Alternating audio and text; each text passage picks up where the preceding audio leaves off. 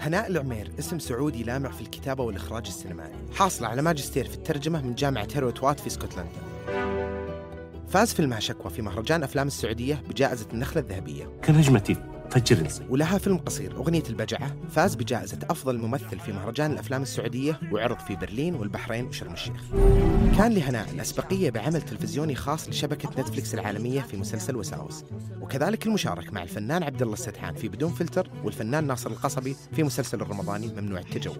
اختيرت هناء مؤخرا ضمن قائمة ال 101 الأكثر تأثيرا في السينما العربية اللي أطلقها مركز السينما العربية. وكما اختيرت مؤخرا رئيس مجلس إدارة جمعية السينما في السعودية. اليوم راح نتكلم عن الإخراج والكتابة عن مسيرة هناء وعن جمعية السينما اللي تترأسها. وقبل ما نبدأ حلقتنا اليوم حاب أقدم شكر لحبايبنا في موفي سينما على دعمهم لحلقة اليوم ودعمهم المستمر لصناعة الأفلام السعودية. شكرا لهم وبسم الله بدينا. أنا انولدت في بيروت. امم آه ما انولدت في السعودية. أوكي. آه بس آه الوالد يعني كان شغال هناك؟ آه الوالد كان يدرس. كان يدرس. إيه، يدرس آه في الجامعة الأمريكية في بيروت. ف فانولدت هناك. وبعدين رجعنا و... ولم نعد مرة أخرى. كم قعدتي في بيروت؟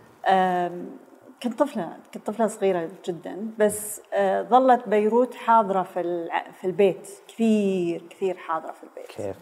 آه، أغاني فيروز موجودة باستمرار ذكريات أمي ذكريات والدي الله يرحمه. آه، كثير موجودة. فحسيت أنه بشكل أو بآخر في علاقة بيني وبين هذه المدينة اللي أنا آه، بس انولدت فيها وبس في شيء يربطني فيها يعني مسقط رأسي. وفي نفس الوقت آه، ما رحتها. وحرب ويعني اللي تسمع عنها ما أشياء. عمرك رحتي بيروت من انولدتي هناك؟ آه، من ولدت إلى آه، عام 2000 أول مرة أروح بيروت لأني كنت أخاف أروحها رغم أنه يعني آه، من 94 تقريبا بدأت الناس تروح. آه، أو يمكن يعني في التسعينات يمكن 95 96 بدأت الناس تروح بشكل يعني أكثر. لكن أنا كنت أخاف أن أنا أروح لأنه في صورة معينة مرسومة آه، عندي آه، من ذكريات الأهل عنها.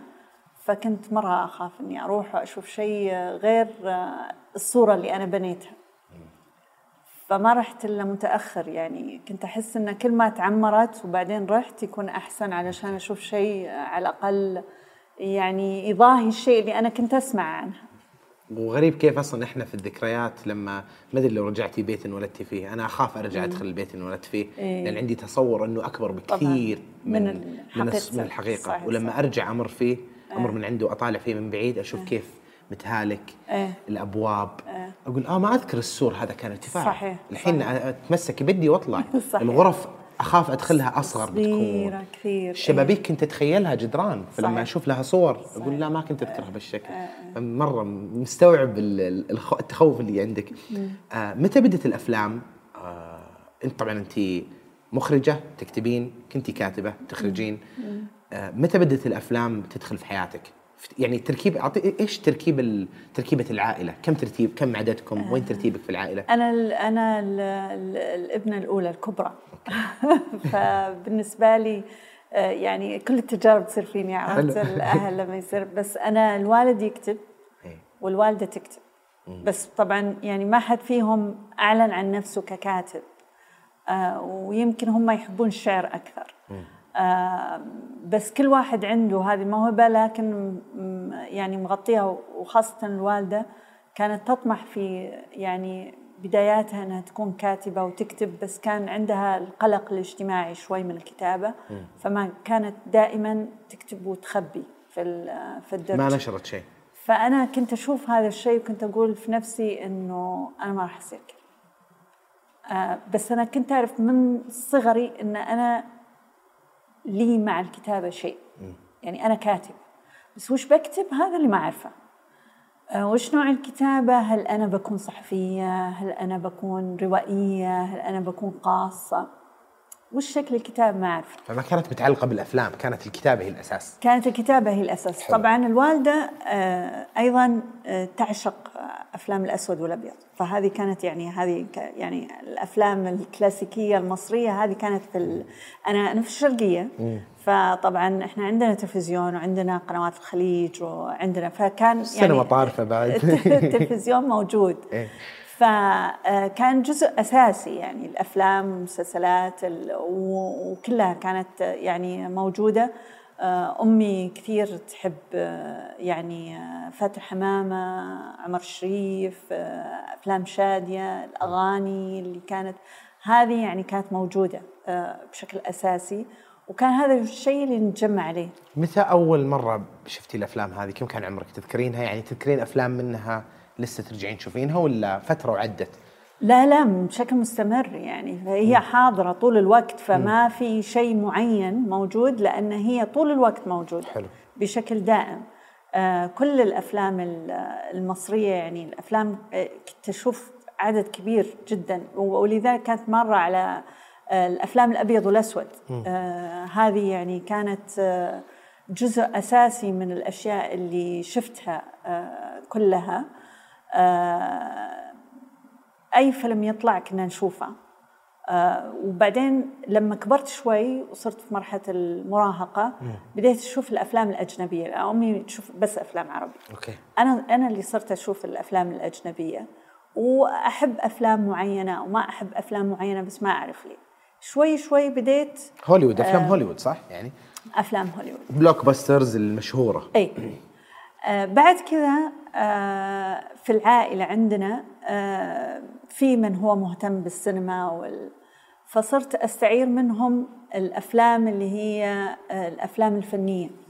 زي أفلام آه آه طوق الأسورة مثلا آه أفلام آه كانت أفلام آه فيلم كان برهان علوية. كانت الأسماء محمد منص أحلام المدينة. أفلام يعني هذه أفلام فنية تعرض في المهرجانات بس. هذه اللي كانت يعني كنت أتوقف عندها كثيرا. والله. لأن كنت أشوف فيها شيء مختلف عن اللي أشوفه في طبعا إلى جانب هذا أنا يعني آه، عندي ال- القراءة يعني أعشق قراءة القصص بشكل مش طبيعي. يعني حاله إدمان كانت. أي و- اي أنواع الأدب كنت تحبينها؟ في شيء معين؟ آه، روايات بشكل عام. أول شيء بدأت طبعا بشكل ال- ال- يعني بدايات المراهقة كانت عبير؟ ال- ال- لا البوليسية طبعا. أول شيء خلصت أغاثا كريستي ما خليت لها أعتقد رواية في الحياة ما قريت زيك. آه، قايضت كل الناس باللي عندهم علشان شارلوك. هولمز أرثر كونان دويل. أيوه هذه كلها كلها هذه مرت. بعدها تطورت إلى روايات بدات لا تاخذ روايات فنية يعني آه، أدبية آه، بعضها آه، من الأدب الروسي بعضها بعضها أدب أمريكا اللاتينية بعضها كان في يعني في بعض الروايات قرأتها في عمر مبكر جدا. كنت بسألك يعني دوستويفسكي وأنت مراهقة كيف تعقيداته ال- رجعت طبعا هذه كثير من الكتب هذه رجعت أقرأها بعدين لما كبرت وشفت أوه أنا قلت أنا ما أدري أخذت منها وأنا صح. كنت صغيرة يعني. بس كانت بس كنت كنت أعيش مع الرواية. يعني لما أمسك رواية أنا أعيش ويا شخصياتها أشوفهم أحلم فيهم أكون معهم تماما. فهذه كانت بالنسبة لي آه، شيء آه، أساسي في حياتي. الأفلام الفنية كانت تعادل الأدب عندي. كان كنت دائما أحس إنه أو هذا هو الجزء اللي أنا أحب أقرأه بس أشوفه. بس أشوفه. آه مو زي الأفلام التجارية. لذلك صار عندي ولع بالأفلام الفنية. وهذه فيها شيء أعمق نوعا ما من مجرد قصة عادية. أدبية. وبعدين آه، مع مع المشاهدة للأفلام التجارية لما تشوفها بشكل مكثف زي ما كنت أشوف. تقول؟ آه بيصير كذا. بيصير كذا. أوه هذا كذا. فخلاص صارت آه، ما فيها شيء جديد بالنسبة لك. فأنت تبغى شيء مختلف. يعطيك حالة آه، شعورية مختلفة ويخليك تفكر. وبعدين لاني كنت آه، في الأدب أيضا أقرأ مثلا أدب أمريكا اللاتينية أو أقرأ روايات أوروبية. لما تجي الفيلم أشوف هذه ال- البيئات اللي أنا أقرأ عنها في الروايات فكانت تنعشني إنه أنا هنا أشوف الشيء اللي أنا أتخيله بس الحين قاعدة أشوفه قدام بشكل حاضر في آه، في آه، روايات كذا بقت معك إلى الآن تعتبرينها من أهم الأشياء اللي قريتيها؟ وتحبين ترجعين لها مرة ثانية؟ كثير. زي إيش؟ آه، لو قلتي. ثلاثة تجي على بالك تحضرك الحين. آه، طبعا طبعا ال- الشيء الأساسي حقيقة إذا إذا بقول شيء قاعد معي ويظل يعود شهرزاد ألف ليلة وليلة. هذه هذه يعني هذه شيء قرأته من الطفولة وظل حاضر ويروح ويجي وطول الوقت أقول إيش المخيله العظيمة هذه صح. اللي آه، تجر الحكاية ورا الحكاية ورا الحكاية وما تنتهي الحكايات. آه هذه بالنسبة لي يعني العمل الذي يعني مهما قرأت عنه ما ما, ما يوقف صح وغريب على ذاك الوقت كيف كان آه، ألف ليلة وليلة مقارب جدا ترى المسلسلات الطويلة اللي عندنا زي CSI مع إيه. فارق التشبيه صحيح. إنه آه، عندنا فورمولا والقصص الداخلية تتغير إيه. بس في ارك بس في- كبير بالضبط. اللي يوزع لنا القصص صحيح. كل يوم اي صح كان كان سهل إنك تفتحينه وتقرينه وترجعينه تختارين لك قصص, قصص تنتقينها. وترجع مرة ثانية. حلو. وغيره ال- الأشياء اللي ال- الرواية من الروايات اللي أنا أحب أرجع لها ما أتعامل العزلة أها. آه ماركيز آه أيضا مذهلة في توالد القصص وكمية القصص اللي فيها. آه الأدب أمريكا اللاتينية بشكل عام أحبه. آه بس أحب أن أنا أقرأ. يعني دائما عندي أنه آه أحيانا الرواية إذا قرأتها قرأتها مرتين أحيانا ثلاث مرات يعتمد. والله. في بعض الروايات أرجع لها بعد فترة وأقرأها. من الروايات اللي قرأتها أكثر من مرة كانت رواية موسم الهجرة إلى الشمال حق الطيب صالح. آه وفي كل مرة في مقاطع معينة أتوقف عندها. وترجع نفس الدهشة. وهذا الشيء يذهلني إنك كيف ترجع أحيانا لأفلام أو لروايات ومهما شفتها ترجع حالة الدهشة هذه موجودة. لا وتكون أقوى بعد مع إيه. نضوجك مع. الكونتكست اللي عندك ال- ال- الأشياء اللي تستمدينها. صحيح. حلو. آه فهنا فترة المراهقة دخول الأفلام الفنية مع يعني اللي عززت للروايات. آه هل الأشياء هذه أثرت على قرارك في اختيار تخصص في الجامعة؟ هناك الفترة اللي نبدأ نفكر نقول أنا حياتي راح تكون كذا كذا. وظيفتي راح تكون كذا كذا. هل كان عندك تصور؟ ليه ليه اخترتي التخصص اللي تخصصتيه اللي هو آه ترجمة صح؟ إيه, إيه. آه لا أنا مرة احترت في موضوع التخصص في الجامعة هذا لأن أنا يعني آه، اهتماماتي متعددة. وما أحس إن في شيء يوقفها. كنت طبعا لأني أحب الأدب كنت أقول بروح أدب إنجليزي. أنا كنت شاطرة مرة في الرياضيات. ما أدري ليش. بس أحب الأدب أخذ فيه 100 من 100 بس أحب الرياضيات وأجيب فيها درجات نهائية. فكان هذا ال... فدخلت علمي لأني مو بعرفه أقرر تبين خيارات. مع العلمي. إيه ما تحدين خيارات بالضبط ما أحد خياراتي. جيت بعدين على الجامعة آه كان توا قسم الترجمة فاتح. قالوا لي أدب إنجليزي الناس جامعة كلها كانت. معلش؟ جامعة الملك سعود حلو. كل الناس آه، يعني دارسة أدب إنجليزي. هذا تخصص جديد وبعدين بيفتح مجالات أكثر. وفي نفس الوقت اللغة وفي نفس الوقت في مجال إنك أنت إذا تبغين مواد تدرسينها من الأدب تقدرين تدرسينها من الأدب. فقلت أوكي. فدرست الترجمة من هذا الباب إنه أحس إنه هذا مجال يعني مفتوح نوعا ما لأن أنا دائما دائما عندي هذا الانفتاح على الأشياء. ما أحب الأشياء المقفلة. ما أقدر أكون شيء واحد وأقعد فيه. مهندسة بترول واضح إيش بتسوين في حياتك يعني إيه. بس لا صح الأدب الإنجليزي ولا حتى الترجمة تعطي خيارات. هذا عام. كم؟ دخلت الجامعة عام كم؟ آه عام عام الفيل. طيب ناخذه كحقبة زمنية. ما ما نحدد. في عام الفيل لما دخلتي الجامعة آه، جيتي من الشرقية للرياض صح؟ صحيح. كيف كانت التجربة طيب؟ جيتي لحالك ولا مع أهلك؟ آه لا ما جيت مع أهلي. آه جيت مع صديقات لي. آه فسكننا في سكن الطالبات. آه كانت آه يعني مرحلة مختلفة عصيبة. أنا يعني بالنسبة لي كانت حلو إن الواحد يروح مكان مختلف وجامعة مك سعود في هذاك الوقت كانت يعني هي الجامعة الأهم. صح. وبعدين التخصص أيضا إنه هذا التخصص أصلا مش موجود إلا في هذه الجامعة. لكن تجربة آه، سكن الطالبات كانت تجربة صعبة جدا وقاسية جدا. من أي و- ناحية؟ آه، اولا أنت طالع من البيت اللي أنت تعرف كل الناس فيه إلى انك تروح إلى مكان فيه ناس من كل أنحاء المملكة بخلفيات آه، مختلفة جدا. آه، هذاك الوقت شوي كانت ال ال يعني الجهات آه، زي السكن أو الجامعة كان في تضييق شديد على الطالبات وطريقة التعامل دائما فيها نوع من ال إنه أنت مخطئ وإحنا نصححك. عسكرية عسكرية. في دائما هذا حس الشك الريبة إنه في شيء غلط أصلا. آه مع إن تكون أنت ماشي صح ما ما في أي شيء حتى خطأ تثبت براءته مش ادانته بالضبط. أيوه. أنت متهم إلى أن تثبت براءتك. بالضبط. فكانت شوي صعبة جدا. كانت فترة يعني قاسية نوعا ما وكان فيها تحدي تحدي إنك أنت رايح وفترة أصلا يعني فترة فترة الجامعة هذه اللي من نطاق المدرسة الضيق إلى الجامعة كمان المفتوحة اللي فيها تخصصات ونظام مختلف تماما وكلية يعني كلية من ضمن كليات في مجمع للطالبات أنت جاي من مدينة أخرى وفي تحدي. أيضا التحدي اللي واجهني وكان آه، تحدي كبير في مسألة اللغة. أنا جاية من مدرسة حكومية.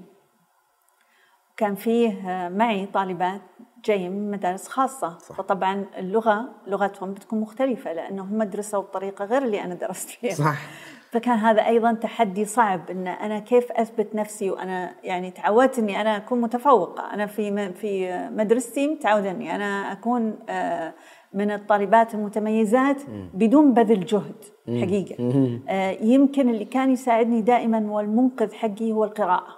قراءتي كانت دائما تساعدني. إنها تعطيني منطق وتعطيني قدرة على آه، آه، الاستماع واخذ اكبر قدر من المعلومات وإعادة إنتاجها بشكل سلس. فما كانت عندي مشكلة نهائي. ما كنت عمري ما كنت طالبة اللي تشتغل وتذاكر وكذا لا بس كنت أجيب درجات عالية. الجامعة الوضع تغير. صح. أنت إذا ما تشتغل آه لا ما راح يمشي الحال. وكانت جامعة حقيقة يعني الكلية كان فيها آه يعني أنا دخلت آه مواد كان الرسوب مو 50% أعلى بكثير خاصة أول سنوات يفلترون الناس. آه بشكل كبير جدا. فكان التحدي كبير وبعدين السكن من من ناحية أخرى. بس أنا ممتنة لكل هذه التجارب لأنها هذه اللي تسقلك آه بعدين ما تسقلك يعني. أيوه. هي بس تقويك يعني صح أكيد. اللي اللي الشيء اللي يقولون ما يموتك يقويك. صح. فهي ما هو موتتنا الحمد لله. الحمد لله. هي قوتنا. بس طبعا كان في ناس انكسرت. أكيد. يعني في ناس آه، آه، انسحبت كثير. في كثير بنات أعرفهم كانوا السكن بعد السنة الأولى ما قدروا يستحملونه. وفعليا اللي حصل إنه أنا بعد سنتين طلعت من السكن. آه، ولقينا لنا يعني طريقة أخرى أن إحنا نكون موجودين فيها في المدينة بدون ما نحتاج أن إحنا نكون في السكن. لكن آه، في ناس لا رجعت آه، إلى مدنها بسبب أن ما قدرت تستحمل. أنا بالنسبة لي الدراسة ما كانت شيء أصلا يعني شيء ممكن أن أنا ما أكمله. هذه كان ما هو خيار؟ ما هو خيار نهائي. م. فأنا بكمله بكمله عاد بسكن بغير سكن بطريقة ما بس المهم إنه هو حيتكمل يعني. وفعلا حصل. وبعدين رجعت معيده للجامعه قبل قبل ما تتخرجين كيف كانت تجربة آه، الاحتكاك مع ناس من خلفيات مختلفة أول شيء. ثاني شيء الاغتراب حتى لو كان داخل البلد. يعني أنا مريت بتجربة مشابهة. أنا درست في الشرقية طلعت من من من هنا ورحت للشرقية درست. العكس. إي إحنا قابلتك بالطريق كذا سلمنا وكملنا بالخط. آه هناك آه زي ما توصفين. الكف الأول إنه أنت شاطر في مدرستكم وفي بيتكم وفي حيكم. هذه ملعب ثاني مختلف. تماما لازم تشد حيلك. آه التحديات. بس أكثر شيء ممتن له أنا إنه طلعت من البيئة اللي كنت موجود فيها وانصدمت من بيئة مختلفة تماما إيه؟ الجروب اللي كنت معاه كان من كل مكان من السعودية صحيح. فخلفياتهم الثقافية ومنظورهم للحياة وعاداتهم وتقاليدهم أحس أعطتني عمق مختلف في شخصيتي طبعا. وعلمتني إنه مهما كنت تعرف أشياء لسه أنت ما تعرف ولا واحد بالمية من اللي تقدر تتعلمه في حياتك طبعاً. آه صحيح. بس برضو ال- الجامعة كانت بالنسبة لي مرحلة مهمة في الأفلام. لأنه كانوا الطلاب يتبادلون الأفلام بشكل كبير آه. عن طريق الإنترنت. هل كان في حضور الافلام لأنه أنا متأكد الاشرطه الفيديو لا يمكن تدخل عندكم. لا بالعكس كان في مسح للأفلام. يمكن أنا هذه المرحلة هي المرحلة اللي غابت فيها الأفلام من حياتي والله. تماما إيه. لأن أول شيء جينا الرياض فانقطعت عن التلفزيون. والشيء الثاني إنه بالسكن آه ما في. ما تقدرين بس طبعا في كانت؟ أشرطة الفيديو هذه لما في ال weekends. يعني لما يكون في ال weekends نر- نروح الشرقية أوكي. آه عند الأهل أو كذا نشوف. بس في السكن ما عندك فيديو ما عندك تلفزيون. لا لا ممنوع. ما أذكر. مين آه، أتوقع محمد الحمود قال لي إنه لأنه جاء من الجنوب ودرس في الرياض بعد في سعود. قال لي عن قصة الظاهر آه، هربوا تلفزيون وفيديو. VHS وصاروا يستاجرون آه، فغريب كيف ال- ال- لا فترة كان الجامعة يفتش علينا كان كانوا يفتشونا. يتأكدون إنه ما في أي شيء طبعا طبعا يعني لا أقول لك إن الموضوع كان فيه أنت متهم إلى أن تثبت ادانتك فالفتره هذه إلى أن تثبت براءتك تثبت براءتك الفترة هذه ماتت الأفلام من حياتك يعني إلا في ال weekends إيه. وفي الإجازات صحيح. و... آه بعدين تخرجتي وعلى طول كملتي معيدة في الجامعة ولا آه، سويتي بعد شيء؟ فترة لا بعد فترة اشتغلت سنة في آه، مكتب UNDP. اللي هو؟ اللي هو كان مكتب للأمم المتحدة. آه، برنامج من برامجهم.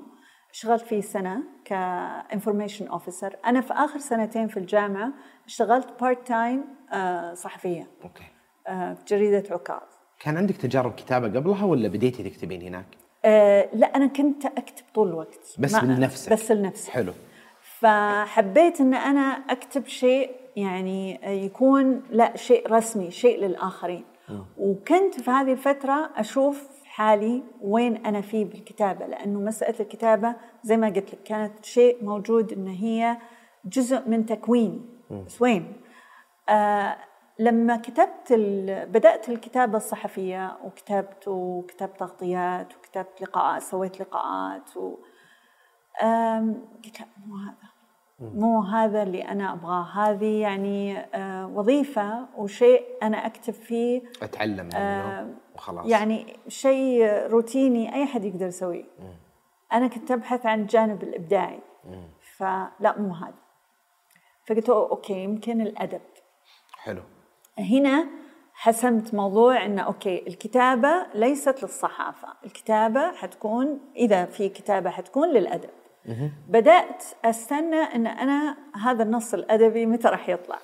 طلعت كذا أشياء صغيرة بس ما قاعد تطلع معي آه يعني قصة قصيرة، قلت آه أوكي. أجل أنا مفروض إن أنا أكتب رواية.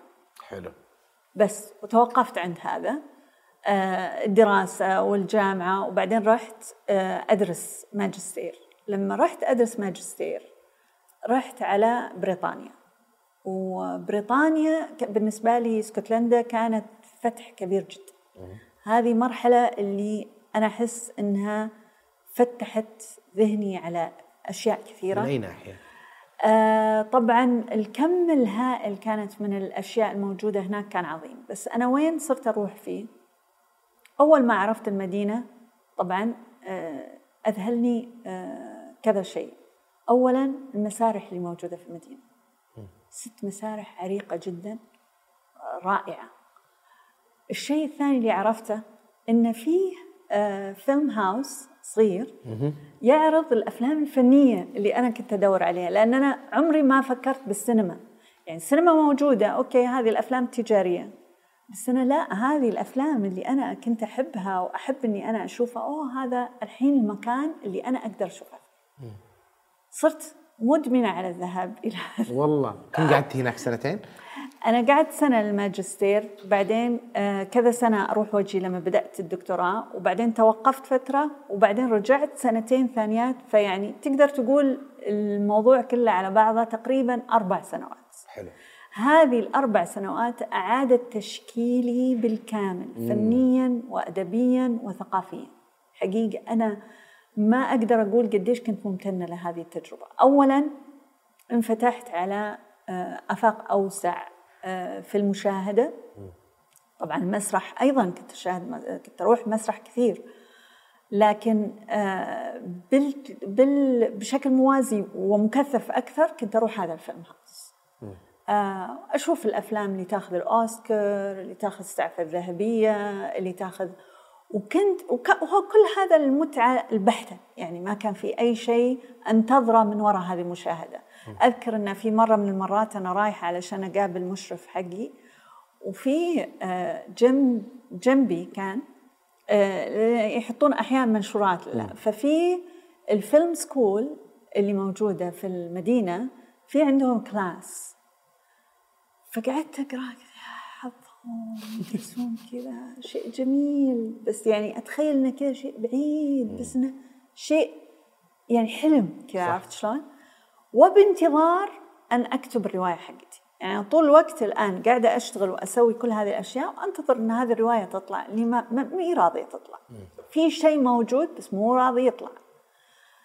آه وكنت أحيانا لما أروح مثلا آه لقاءات أدبية وكذا وأحضرها بشكل مكثف. أشوف الأدباء وهم يتكلمون بس أنا ما أتكلم كذا. يعني كان عندي إحساس انه هذا مو بمكاني بس أنا عندي قصص تبغى تطلع ما أدري وينها. Anyway. عام 2006 رجعت السعودية. كنت خلاص توقفت عن برنامج الدكتوراه لأن حسيت انه قاعدة أروح منطقة في شيء يقول لي مو بهذه منطقتك. وتركت الجامعة. تركت الجامعة وتركت الدكتوراه لأن حسيت إنه مو هذا. في شيء ثاني بس ما أدري إيش هو. في نفس الفترة آه، آه، جتني مكالمة من آه، قريبة لي عن إنه جريدة الوطن يسألون هل في قلم نسائي ممكن إنه يكتب في المجال الفني؟ قالت لي أنا سمعك تتكلمين عن أفلام يعني غريبة ما حد يشوفها ولا كذا إلا انت. فيمكن يعني يمكن إن هذا الشيء تحبين إن انت تكتبين فيه لأني أشوفك مهتمة يعني. قلت لها والله أنا ما جاء في بالي نهائي إن هذا الموضوع أنا بكتب عنه يعني. أنا أعرف إن أنا أروح وأشوف هذه الأشياء للمشاهد للمتعة. أستهلكها فقط. للمتعة. الخالصة ما فيها أي شيء. سني أكتب عنها ما فكرت. لكن تدرين خلينا نجرب. فعلا كتبت مقالين وأرسلتهم للجريدة والجريدة حبت وقالت أوكي. تذكرين المقالين كانت عن إيش بالضبط؟ آه هي كان أذكر إنها كانت في النشرة النقدية. إذا تذكر في جريدة الوطن كان فترة من الفترات آخر صفحة في نشرة نقدية، النشرة النقدية هذه كل يوم في كاتب أو كاتبة، حتى كانت هيفا المنصور عندها أيضا أوكي. فهذا أول يعني يمكن ارتباط بيني وبين هيفا إن إحنا كتبنا في عمود واحد. حلو. آه والمقالة الأولى اللي كتبتها كانت عن مهرجان إدنبرا طبعا أنا كنت في مدينة إدنبرا عايشة. مهرجان إدنبرا هذا أكبر مهرجان في أوروبا للهواة. آه تقريبا له فوق الخمسين سنة. وتعرض فيه كل أشكال الفنون آه على بتعددها. في فيلم فيستيفال فيه مهرجان آه، مسرح في فنون تشكيلية في معرض كتاب في كل شيء كل شيء. فكنت أقول ليه يا جماعة ما نشوف يعني ولا حتى عازف سعودي يروح ولا أي أحد من هنا يطلع يروح هذا المهرجان؟ معقولة ما في هواة آه، فنانين ممكن يطلعون؟ على الأقل يكسرون الصورة النمطية للسعودي بشكل آخر. لو واحد يعزف عود حتى في الشارع يعني. بوقفك هنا لحظة تخيل تذكري اللي كتبتيه هنا 2006 7 إيه. وشوفي كيف الحين عندنا مهرجان البحر الأحمر. إيه. وكيف شيء يخوف كيف الأمور قاعدة تتصاعد بشكل سريع. وإحنا بفترة غريبة. صحيح.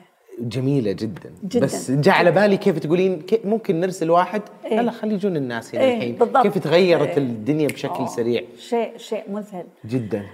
طبعا أنا لما جيت كان اللي اللي كان صاير في السعودية في الفترة هذه اللي هي المنتديات الفنية والسينمائية صح. كان في ناس تكتب بالسينما وأنا ما ما أدري عنهم والأفلام اللي يكتبونها أنا أشوفها بس ما أدري ما ما دخلتي على منتدى سينماك ذيك الفترة ابدا ولا شيء ولا شيء okay. يعني أنا جيت كذا من مكان آخر م. عارف آه ف فقاعدة مع نفسي. حرفيا.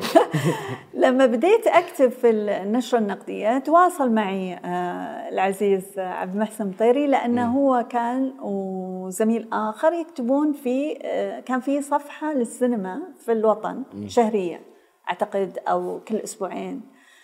فقال لي طيب يعني آه، ما دام أنت لأن أول مقال كتبته عن ادنبرا ثاني مقال كتبته عن فيلم. أنا ناسيه وش الفيلم اللي كتبت عنه. فقال لي أنت تكتبين يعني شكلك تشوفين أفلام. طبعا الفيلم اللي اللي آه، كتبت عنه كان من الأفلام اللي الفنية. الفنيه فقال لي ليش ما تكتبين ويانا في صفحة السينما؟ قلت شوف أنا ممكن أكتب في الأفلام الأوروبية وهذا لأن أصلا أنا أحب هذا النوع. هذه مساحتي. هذه مساحه لي فقال لي آه أوكي حلو اكتب. آه إحنا حابين إن أنت تكتبين معنا في الجريدة. طبعا أنا مجرد ما حسيت إنه لا المسألة الآن أصبح فيها كتابة نقدية الموضوع مو بس إنك أنت تشوف الفيلم وخلاص لا أنت لازم تحلل الفيلم عناصره. خلفيتي الأكاديمية نفعتني في الموضوع هذا إنه إي لازم كذا يصير في منهجية معينة للقراءة على أي أساس أنت قاعد تقرأ. حلو. وطبعا لأنه أنا كنت يعني كنت أشتغل على تحليل الترجمة الأدبية ومقارنه بينها وبين الأعمال الأدبية اللي اللي تطرح ترجمتها. فأدوات النقد الأدبي كنت عرفتها لأنه أنا أبحث فيها. فكان سهل علي إن أنا أبدأ أقرأ في النقد السينمائي.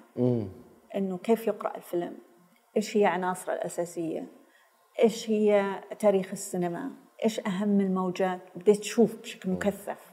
الآن اختلف الموضوع تماما. فهمتي التاريخ والعمق والإرث أيوة. السينمائي نعم. اللي وراء كل أيوة. الافلام هذه إيش الموجات الأساسية؟ الواقعية الجديدة الموجة الجديدة حقت نوفل فاج اللي هي حق الفرنسية بعد كذا حقت هونغ كونغ بعد كذا الموجة الإيرانية. كل هذه الموجات اللي مرت على السينما وأمريكا إيش كان يصير فيها ومين المخرجين الأهم في أمريكا اللي هم متأثرين بالمدرسة الأوروبية وغيرها. ليش الاختلاف بين المدرسة الأوروبية وهوليوود أصلا؟ يعني حلو. آه، إيش الفارق بين الاثنين؟ بيمديك بس تتوسعين هنا شوي لأنه أبي نكمل مع الوطن ونكمل في خط سيرنا بس هنا مرة المساحة مرة أنا تهمني آه يعني شفت كم وثائقي مرة حلو يشرح له يشرح لك التسلسل نعم. السينما صحيح. بس آه، دائما اقارن اللي قاعد يصير الحين آه عندنا هنا مم. بحركات وموجات صارت مم. هل كان في أي موجة آه بدأت فجأة آه بدون أي إرث سينمائي مثل اللي قاعد يصير عندنا في السعودية يعني إيران قبل كان عندهم سينما قبل الشاة. وبعد الشاة. وكان في إيه. امتداد من العشرينات صحيح. وعندهم إرث كثير يسحبون صحيح. منه آه هل في أي شيء مشابه للي قاعد يصير لنا الحين؟ اللي صار لنا إحنا أعتقد إن إلى حد كبير كان يشبه ما حدث في الموجة النوفل فان اللي هي الموجة الجديدة الفرنسية لأنه اللي حصل إنه كانوا كانوا النقاد الشباب اللي طلعوا بدأوا يكتبون في كراسات السينما كانوا منزعجين من الطريقة الكلاسيكية اللي تظهر فيها الأفلام ونمطية جدا وما فيها آه، إبداع. وبعدين بعد ما كتبوا فترة انتقلوا لأنهم يكونوا مخرجين. جودار كان معاهم آه جودار تروفو كلهم هذول كانوا يكتبون. آه وبدأوا يكتبون للسينما وبدأوا يخرجون خلاص. انتقلوا من النقد إلى إلى الفعل. من من التنظير إلى الفعل. السعودية صار فيها كذا. الناس اللي كانت تكتب في الجرايد في الفترة هذه كلهم بعد كذا انتقلوا للفعل. لأن كانوا شايفين إن في شيء. هم يحسون إن أداة فنية ممكن أن تعبر عنهم. وكانوا حاسين إنه إحنا ليش ما نعبر عن أنفسنا بالشكل هذا؟ فاللي حصل إنه مجرد ما صار في مهرجان آه، الخليج آه، اللي بدأ يستقطب أو ما يستقطب بدأ يعرض تجارب لمخرجين شباب آه، في المنطقة قريبين بدأوا السعوديين يصنعون أفلام ويروحون يودونها للخليج. وبعدها بسنتين بالضبط كانت أول دورة مهرجان أفلام السعوديه اللي هو عام 2008 وهذه أيضا نقلة إنه أوه صار عندنا مهرجان بس قبلها كانت اوريدي بدأ فيه مجموعة من الشباب يروحون يعرضون أفلام منها لو تلاشي صح؟ منها تلاشي بس لو تروح لكل الأسماء هذه راح تلاقيهم كانوا يكتبون في الجرايد الفترة دي. صح فهذا اللي حصل اللي حصل إنه بدأنا نكتب فأنا أن- الآن انضميت للمجموعة هذه اللي تكتب وبديت اعرف اسف بس ما خلصت من هناك. مرة متحمس لاني لأني أول مرة أشوف الربط بين اللي قاعد يصير مع ال French New Wave أو الموجة الفرنسية. آه هل كان فيه أي آه كان في صوت للموجة الفرنسية؟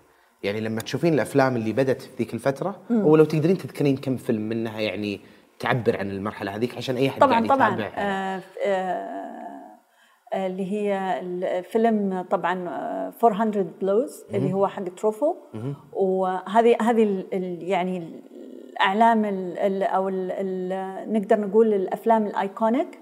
و Breathless أعتقد إنه Breathless حق جودار. اي اي هو اللي بالسيارة؟ هو اللي بالسيارة اللي, اللي كانت ال cuts cuts. الغريبة، إيه. أيوه هي لأني لما شفتها cuts أصلاً هذه. استغربت. هذه هي آه، من ال- الأشياء اللي أسسها جودار. آه، وبعدها انتقلت أخذت المونتاج إلى مرحلة أخرى جدا. نحن ما نحتاج نشوف كل هذه الأشياء. إحنا we can jump إحنا we can create something new نلعب طبعا هو يلعب كثير كمان بشريط الصوت. ويلعب بشريط الصوت ويلعب بالصورة ويلعب إنه يعني زي ما تقول هو كذا زلزل. ال- الطريقة التقليدية في في السرد السينمائي. وأعطاها شكل آخر. على الجانب الآخر كان في ناس تشتغل وحسبت على الموجة الجديدة لأنها طلعت في نفس الوقت وما ك... بس ما كانت أصلا معنية بالموضوع هي كانت تعبر عن نفسها. من ضمن الأسماء طبعا الإنسان اللي قدسها أنا كثير اللي هي أنياس بغداد اللي هي ال- الأم السينما الفرنسية. تقدر تقول من أهم الأسماء ال- المخرجات الفرنسيات وصار في أصلا مهرجان باسمها.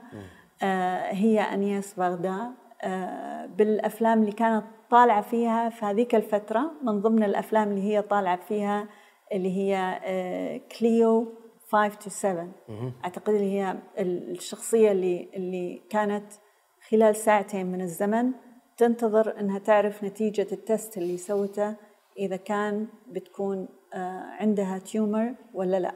عندها آه، ورم خبيث أو لا.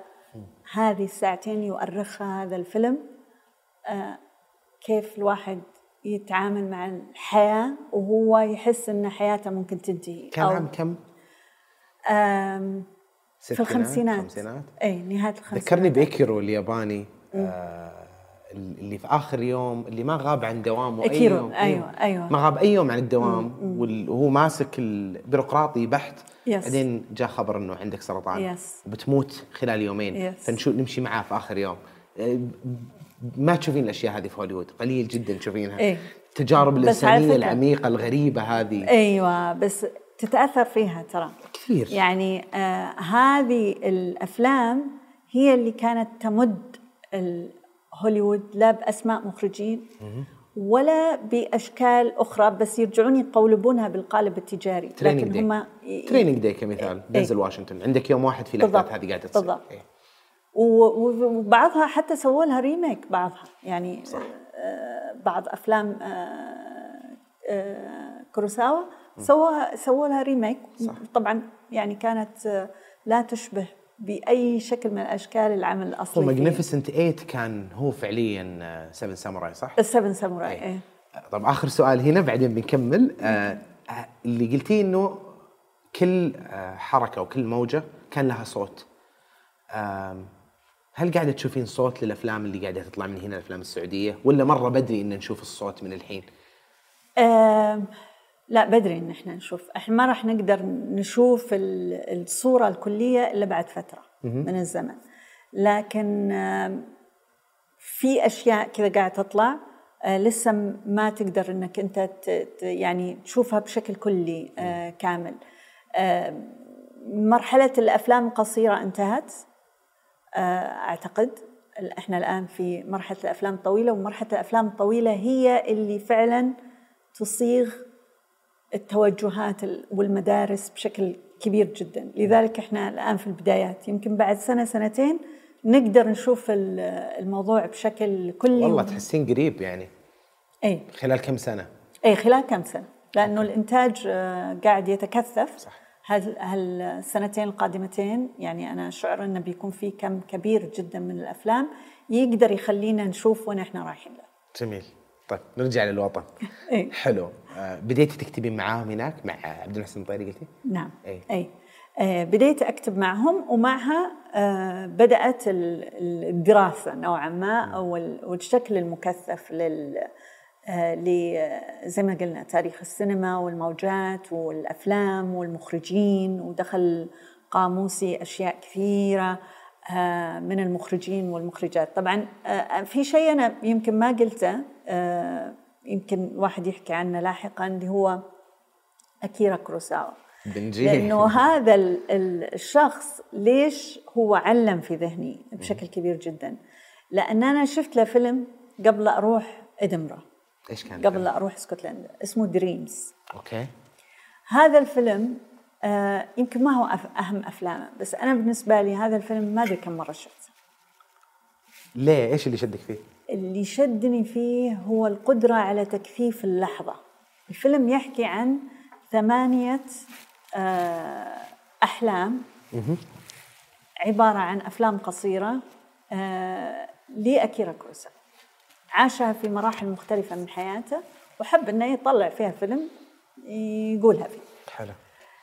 بس أنا هذه هذا العمل يعني جلس في ذهني فترة طويلة يا الله كم الأحلام اللي عندنا. كيف أحد يقدر يعبر عن الفيلم بالطريقة هذه؟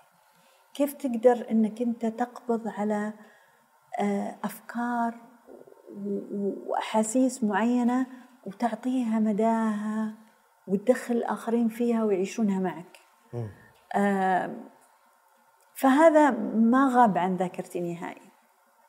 أول ما رجعت أشوف آه، و- وأشتغل على ال ال آه، الأفلام بدأت عاد أشوف أكيرا كوروساوا بشكل مكثف. آه، أفلام آه، Seven Samurai إيكيرو رام ران. طبعا. هاي اللو كان مختلف تماما عن كل شيء ثاني. أفلام أفلام مذهلة. أفلام مذهلة في إنك تشوفها مرة ومرتين وثلاثة وفي كل مرة تترك فيك نفس الأثر. تدرين قبل فترة رجعت شفت High and Low؟ واستوعبت بعد ما شفت Parasite لأني شايفه قبل Parasite بعدين إيه. شفت Parasite بعدين حسيت Parasite في شيء. لما رجعت شفت High and Low مو طبيعي كيف نفس التركيبة. ال- القصة والأحداث اللي جوا مختلفة شوي بس هي نفس التباين الاجتماعي تذكرين ال- اي ال- طبعا طبعا ك- كان يلعبهم في بالشطرنج يعني كان الشطرنج اللي مار. كيف أصلا ال positioning كان حق ال- البطل في ال- في الكادر نفسه يوريك الصراع اللي هو قاعد يعيشه visually أنت قاعد تشوفه.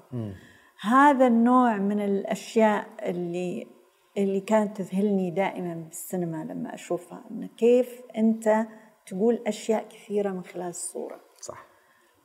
آه، وال- وبعدين تعيش يعني آه، أنا ما أعرف اليابان لكن صرت أعرف كيف يقعدون كيف يأكلون كيف في أشياء معينة ك- من الثقافة انتقلت لي كأنه شباك فتحته على هذه البلد وعشت من خلالها تجربة معينة وبعدين طلعت. بس لما طلعت العالم عندي اختلف. العالم لم يعد كما كان سابقا. هذا هو العظمة. صح. إن هي تترك فيك أثر يعزز فيك الإنسانية اولا. وبعدين يوسع أفاقك أفقك ما هو نفسه قبل ما تشوف الفيلم هذا اختلف. فهذه أنا بالنسبة لي طبعا وكانت وين هذه المسألة وضحت لي بشكل فظيع؟ في آه، بريطانيا. من ادنبرا من اسكتلندا يعني لما شفت أفلام صينية آه وأذكر إن من ضمن الأشياء اللي اللي شفتها كانت آه فيلم آه Balzac and the Little Seamstress هذا أصلا رواية. قرأت الرواية. آه والمخرج هو الكاتب ال- هو. الروائي. أخرجها. قام أخرجها. وهي قصته أصلا. فقام أخرجها وشفت قريت ال... قريت الرواية وبعدين شفت ال... الفيلم. و screenplay بالغلط. وأذهلني والفيلم نفسه كان يحكي عن هذا ال ال ال الأثر تحديدا في إن هذه القرية الصغيرة اللي كانت نتيجة لإن انتقال آه، الصين للنظام الشيوعي ويعني اقتلوا كل شيء ومسحوا كل شيء له علاقة بالآداب والفنون الأوروبية لأنها بالنسبة لهم هذه دول رأسمالية لازم يحاربونها. فهذا هذا الولد اللي أساسا عنده أهله مثقفين وعنده إرث آه، ويهربون الكتب فشي يسوي؟ قطوه هو وصديقه قطوه في قرية صغيرة آه، صينية. فقاموا يقصون قصص بزاك الروايات حقت بزاك يقصونها قصص للقرية. كيف أهل القرية اختلفت طريقة خياطتهم لبسهم تفاصيل كثيرة في حياتهم من القصص ذي اللي يسمعونها. وهذا طبعا أثر على الخياطة اللي هي بعدين قررت أن هي تعيش حياة مختلفة. فالفكرة نفسها أساسا كانت حقت الرواية والفيلم نفسه أنه كيف أثر الفن في الحياة خاصة إذا كان يحكي لك عن مكان آخر. بس هو ممكن يغير في واقعك.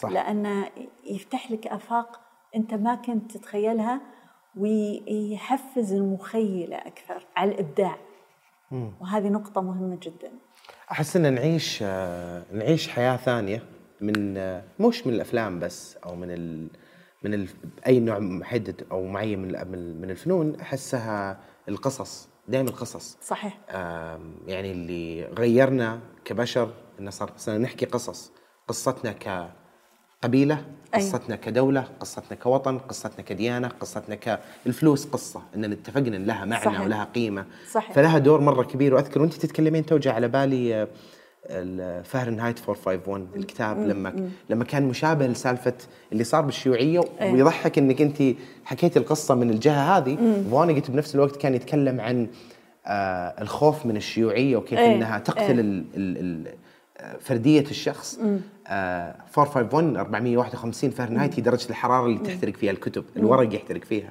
فكان في الشرطة اللي يحرقون الكتب وينتهي الكتاب بنفس الفكرة إنه في ناس كثير الشخص هذا اسمه شكسبير لأنه حفظ كتب شكسبير كلها في إيه. مخه إيه. ويرجعون يعيدون القصص نعم. ويحيون الحضارة مرة ثانية عن طريق القصة. ف ونفس الكلام لما تتكلمين عن اليابان قبل شوي جاء على بالي آه غريب كيف تركيبتهم الاجتماعية مشابهة لنا. إيه. احترام الكبار إيه. بالسن إيه.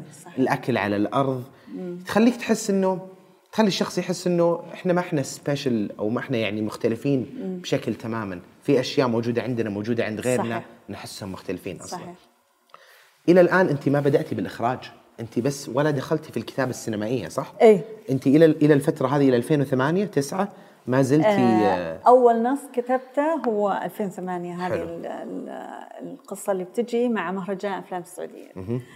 آه فمرة ثانية الله يسعده لازم أقول اسمه لأني أدين له بهذا الشيء عبد المحسن المطيري سألني وقال لي ما عندك آه سيناريو قصير؟ أنا أبغى أخرج فيلم.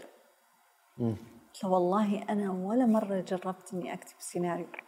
بس تدري أنا بشوف يعني إيش يطلع معي ما أدري يعني فزي كنا لمبة ولعت يعني. خلني أجرب شلون يكتب السيناريو. طبعا أرجع أقرأ كيف يكتب السيناريو. المهم كذا بدأت شيء لا ما هو ضابط في شيء ما هو صح. طيب بعدين طلعت معي قصة. كتبت القصة سالت شلون وكذا وأرسلتها له. قلت هذا اللي طلع معي. قام كلمني قال لي ليش ما تقدمين السيناريو هذا للمهرجان؟ في مسابقة السيناريو هذه يعني قصة يعني هذه قصة مرة حلوة. ارسليها للمهرجان. صحيح شايفة حلوة هذا؟ طيب أوكي. ما أعرف. فعليا أنت لما تكتب الشيء لا يمكن أن تعرف إن كان جيد أو سيء. صح. لأنك أنت داخلة ما تدري. أنا دائما أسميها حالة هلوسة. أنت تهلوس لأنك تتخيل أشياء وتكتبها وبعدين هذا اللي هلوست فيه هو صح غلط ما أدري. فأرسلته للمهرجان وأخذ جائزة. أخذ جائزة النخلة الفضية لأنه كان فيها أيضا نص ثاني اللي كان آه، أعتقد العباس الحايق أخذ النخلة الذهبية. بس أنا هذا ال- ال- الفوز يعني ورطني. نوعا ما. ليه؟ آه، لأنه قلت اذا أول نص هذا أنا قاعدة أكتبه. بعدين آه، جلست أسترجع. طيب أنا كنت أحب الكتابة كنت أحب القصص بس طيب وبعدين الحين صار في نص. طيب هذا النص وين أروح فيه؟ وش أسوي به؟ فبديت أتواصل مع الزملاء إنه من فيكم ياخذ النص يخرجه. أتذكر إني كلمت آه العزيز طبعا آه عبد الله عياف. عبد الله كان سوى أكثر من فيلم قصير وأنا صح. كثير أحب أفلامه فقلت له آه، إيش رأيك آه، أبو ناصر آه، تأخذ ال؟ قرأ قال لي أنا كثير حبيت وي قال لي نقطة مهمة جدا. قال لي أنت تكتبين زي طريقة الإيرانيين. انت تكتبين أفلام واقعية آه، بحس يعني كذا مختلف. إذا ركزتي في هالمجال ترى ما في أحد يكتب كذا. آه وقال لي ليش انت ما تخرجين؟ قلت له أنا أخرج؟ ما اخرج أنا ما أعرف أخرج. أنا يمكن أخرج. أنا يمكن يعني يمكن إذا شفتكم وتعلمت وكذا ممكن لاحقا بس الحين كذا ما يعني ما ما ما الحين توني أعرف إن أنا ممكن أكتب. فيعني اثنين ورا بعض صعب. قال إحنا كلنا قاعدين نتعلم. وانت يعني متشربة القصة تماما وعرفتها وكذا. آه ليه ما تخوضين التجربة؟ وإذا تبغين نساعدك إحنا نساعدك وكذا. ما كانت مسألة إني يعني أشوف نفسي في ست وكذا وأقول لا وطبعا نظرت تنظير كبير الإنسان لازم يعني لما يتعلم سباحة شوي شوي ما يطب كذا بيغرق لو طب. المهم ما اقتنعت. لا أنا هذا العمل لازم أعطيه أحد ثاني وفعلا تواصلت معي هناء الفاسي آه العزيزة هناء كانت هذاك الوقت توها متخرجة من معهد السينما وكذا قلت لي خلاص اخذي لي. قالت لي أوكي. في نفس الوقت عندي كانت فكرة. المشكلة الفكرة اللي عندي آه هي فكرة لتوثيق شيء أثناء حدوثه.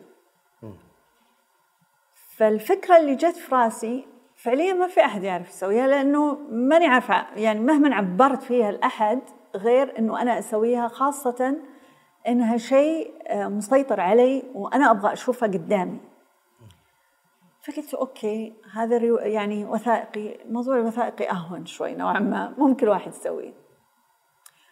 فتواصلت آه، مع أحد من الشباب إنه هل ممكن تساعدوني كذا؟ قالوا نجي معاك نساعدك نسوي. حلو. طيب okay. الحين بسوي آه بوثق لقاء ما بين آه فرقتين شعبيتين كل واحدة من ثقافة. بوثقة. أبغى أشوف كيف الموسيقي اللي من برا يشوف آه يشوفنا إحنا من خلال الموسيقى الشعبية حقتنا. هل يفهمنا؟ ما يفهمنا؟ يحبها؟ ما يحبها؟ إحنا في حالة من ال ال يعني ال الحنين لهذه الموسيقى لأن إحنا عايشين معها. بس الآخر كيف يشوفها؟ ما أعرف. صح. خلني أشوف كيف يعني الناس تتفاعل مع بعض كموسيقيين.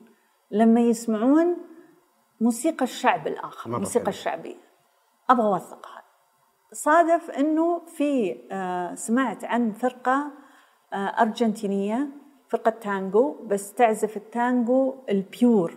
مش التانجو اللي هو تطور وصار رقصة وكذا لا. التانجو الأصلي في حالته اللي هو مجرد عزف على آه جيتار. فقلت آه فتواصلت مع السفارة الأرجنتينية وقلت لهم أنا أبغى آه إذا تسمحون لي أتواصل مع هذه الفرقة أسألها إذا تقبل أنها تكون جزء من هذه التجربة اللي أبغى أوثقها وعندك أي تصور وين المشروع هذا رايح ولا بيتصور وبيجلس في درج؟ ما أدري ولا شيء لأنك صملتي ورحتي كلمتي سفارة يعني في إيه؟ في عزيمة غير إيه؟ طبيعية وراء وين رايحة؟ كان في بالك شيء ولا بس اللي إنه بوثق هذا بشوف اولا أنا لأنه كان عندي سؤال م. يعني سؤال ملح أنا فعلا الآن أبغى أعرف أعرف الإجابة عليه وأبغى أوثق هذه الإجابة الآن هذا الفيلم آه، ممكن يروح مهرجانات ولا غيره بس أنا ما كان همي وين بيروح بقدر ما كان همي لازم يصير اي أنا أبغى أشوف وش فعلا لأن اللي حصل اللي حصل لي شيء تجربة معينة إنه أنا كنت أسمع آه، آه، موسيقى فر- فرنسية. كانت في فرقة جاية السعوديه فرنسية آه وفي في السفارة الفرنسية الظاهر كانوا مسوين لهم حفل أو شيء ورحت وحضرت. ما أعرف وين ودتني فيه. فعليا ودتني فرنسا مدري ودتني كذا أماكن مختلفة. أذهلني إنه الموسيقى ممكن توديك مكان ثاني وتعطيك مشاعر و- وحالة مختلفة. وقلت طيب هذا المسألة لازم نبحثها يعني. فأنا هذيك اللحظة ما همني ولا شيء أنا بوثق. بس. آه، تواصلت مع ال- السفارة. السفارة سوري. تواصلت معهم فقالوا لي آه، إيه آه، ممكن إن إحنا نوصلك بالفرقة. تواصلت مع الفرقة قالوا إحنا بالعكس. شيء حلو. آه، طيب تبغينا آه، طبعا الفرقة هذه أول مرة جايين الشرق الأوسط يعني طازة ما يعرفون مرة. حلو.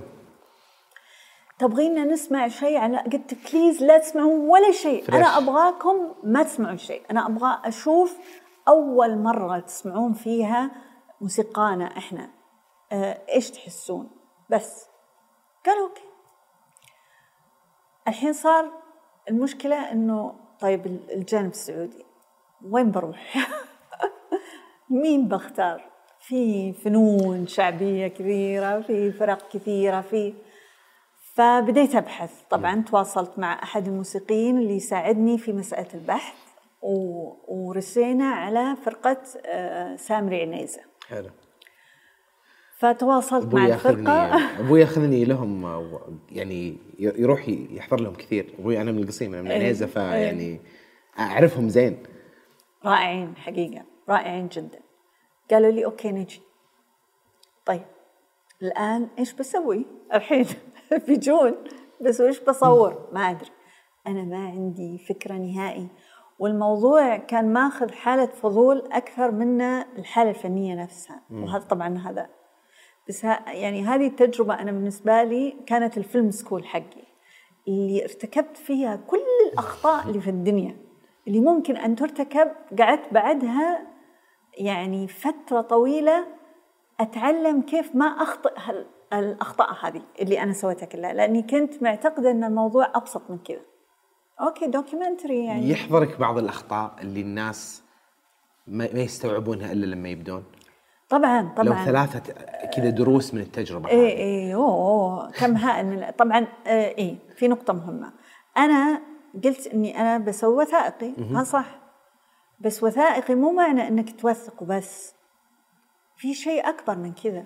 هو في النهاية حالة فنية. طبعا هذا ما كان موجود. الشيء الثاني إنه آه، مع العلم على فكرة إني أنا كنت أقرأ في كتاب إنه كيف تصنع فيلم وثائقي وكذا بس في أشياء كنت أقرأها وما كنت أستوعبها لأن فعليا ما عندي تجربة. هذه أول تجربة فبالتالي ما في. اللي كانوا يشتغلون كلهم معي أيضا كانت تجاربهم الأولى فبالتالي ما حد ما ولا أحد فاهم إيش اللي قاعد يصير. والكارثة الأكبر من هذا كله أن أنا كنت أتعامل مع نوع صعب جدا من الأفلام الوثائقية اللي هو الموسيقية. والموسيقى يبغى لها استعدادات كبيرة من حيث الصوت ومن حيث الت- التجهيزات ومن حيث. طبعا هذا كله ما كان موجود. أنا تخيلت أنه أوكي بجيب مهندس صوت. ما أدري أن العالم هنا حتى مهندسين الصوت خبراتهم أبسط من البسيطة. صح. آه طبعا إحنا في ذاك الوقت ما نقدر نصور في أي مكان لازم يكون مكان خاص. ف ولا في أحد بينتج. فكلها موارد ذاتية كلها أشياء بسيطة. والموضوع كان أنا ماخذني البحث لأنه لا زالت حالة الحالة الأكاديمية مسيطرة نوعا ما. لكن على حساب الجانب الفني. إنه اعتقدت إنه أنا لما بجيب ناس تصور خاص هي بتعرف إيش تسوي. بجيب أحد حق صوت هو بيعرف إيش يسوي. وأنا بالنسبة لي كيف إن أنا أشوف التجربة هذه قدامي وكيف أقدر أفهم من كل واحد هو وش شايف. كان هذا التركيز. حلو. طبعا يوم التصوير طبعا عنيزة آه، تقريبا كم عدد الأشخاص اللي كانوا موجودين؟ فوق الثلاثين. okay. لك أن تتخيل. الفرقه ال- ال- والتصوير كان في عنيزة ولا وين صورته؟ جو الرياض. جو الرياض، آه يوم واحد. طبعا هذه ال- ال- الفرقة الأرجنتينية وجودها هنا للسعودية كان حوالي خمسة أيام بس. أوف. بس. ولا يعرفون إنجليزي. آه وطبعا ما يعرفون عربي. أكيد. وال والفرقة عنيزة معظمهم ما يعرف إنجليزي. فاللغة مش موجود لغة. أنا الموجودة في النص. وما أعرف ارجنتيني ما أعرف آه، ولا أعرف أسوي فيلم. ولا أعرف إنجليزي. أصلا نسيت اللي درسته كله من الموقف. آه وكنت المرأة الوحيدة يوم التصوير اللي تقريبا كان 60 رجال okay. أنا بروحي. 2009 8 الكلام هذا. آه 2009 اي إيه. يعني سعودية ثانية تماما أصلا. تماما. آه جو ال- ال- فرقة عنيزة وإيه وكان معي ال- ال- الموسيقي الله يعطيه العافية الأستاذ عبد العزيز آه، سليم كان موجود وهو اللي كنت دائما أستشيره في موضوع ال ال إنه كيف وكان قلق جدا إنه كيف هل بينسجمون مع بعض هل ممكن مثلا يكون في شيء بينهم كذا قلت له ما ما له علاقة إحنا بس بناخذ التجربة. أنا بوثق هذا اللقاء بغض النظر. فالفكرة كانت ان إحنا بنوثق هذا الحدث بعدين بناخذ لقاءات متفرقة من هذول ومن هذول. جاء يوم الحدث. طبعا العدد كبير. آه ال- وهذولا إي أول ما جاء هو كان يقول أنا مو بعارف كيف أتعامل وياهم. كذا هو عازف. وهم جايين بالجيتار. وطبعا زي ما قلت ما في لغة. أنا كنت مشغولة. فقال شلون بنسق وياهم؟ شلون بحكي لهم؟ ما, ما أعرف. قلت له يعني بنشوف. إحنا بنشوف. لا تقلق. طبعا رحت أحضر أشياء ثانية وكذا. رجعت لقيتهم قاعدين يعزفون مع بعض بشكل متناغم مو بعادي. فأطالع وين اللي قلق اللي قاعد يقول آه قلت له وش صار؟ قال إحنا متفاهمين إحنا متفاهمين. وشلون متفاهمين؟ قال نطالع في عيون بعض. طالعون في عيون بعض ويعزفون مع بعض. خلاص. هذه لغة الموسيقيين أول مرة أشوفها. آه طبعا آه رحنا علشان نشوف فرقة عنيزة جو الفرقة. آه ال- الفكرة كانت إن كل واحد يسمع الثاني في البداية. وبعدين نشوف وش اللي بيطلع. سمعوا ال ال الأرجنتينيين سمعوا ال- آه، وكانوا قاعدين يطالعونهم كانوا مبهورين باللي قاعدين يشوفونه. والسعوديين كانوا أيضا مستمعين للمقطوعات التانجو اللي كانت تعزفها الفرقة آه، بعدين قال لي آه، جاني الأستاذ عبد العزيز قال لي بنعزف شيء.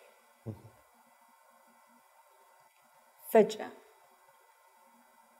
العود مع الجيتار مع عنيزة كلهم مع بعض. عزفوا. هذه اللحظة أطالع أنا لحظة اللي أنا أول مرة أنتبه لها وهذه اللحظة اللي صرت دائما أنتبه لها إذا حصلت في موقع تصوير لأنها دائما هي اللحظة السحرية أسميها.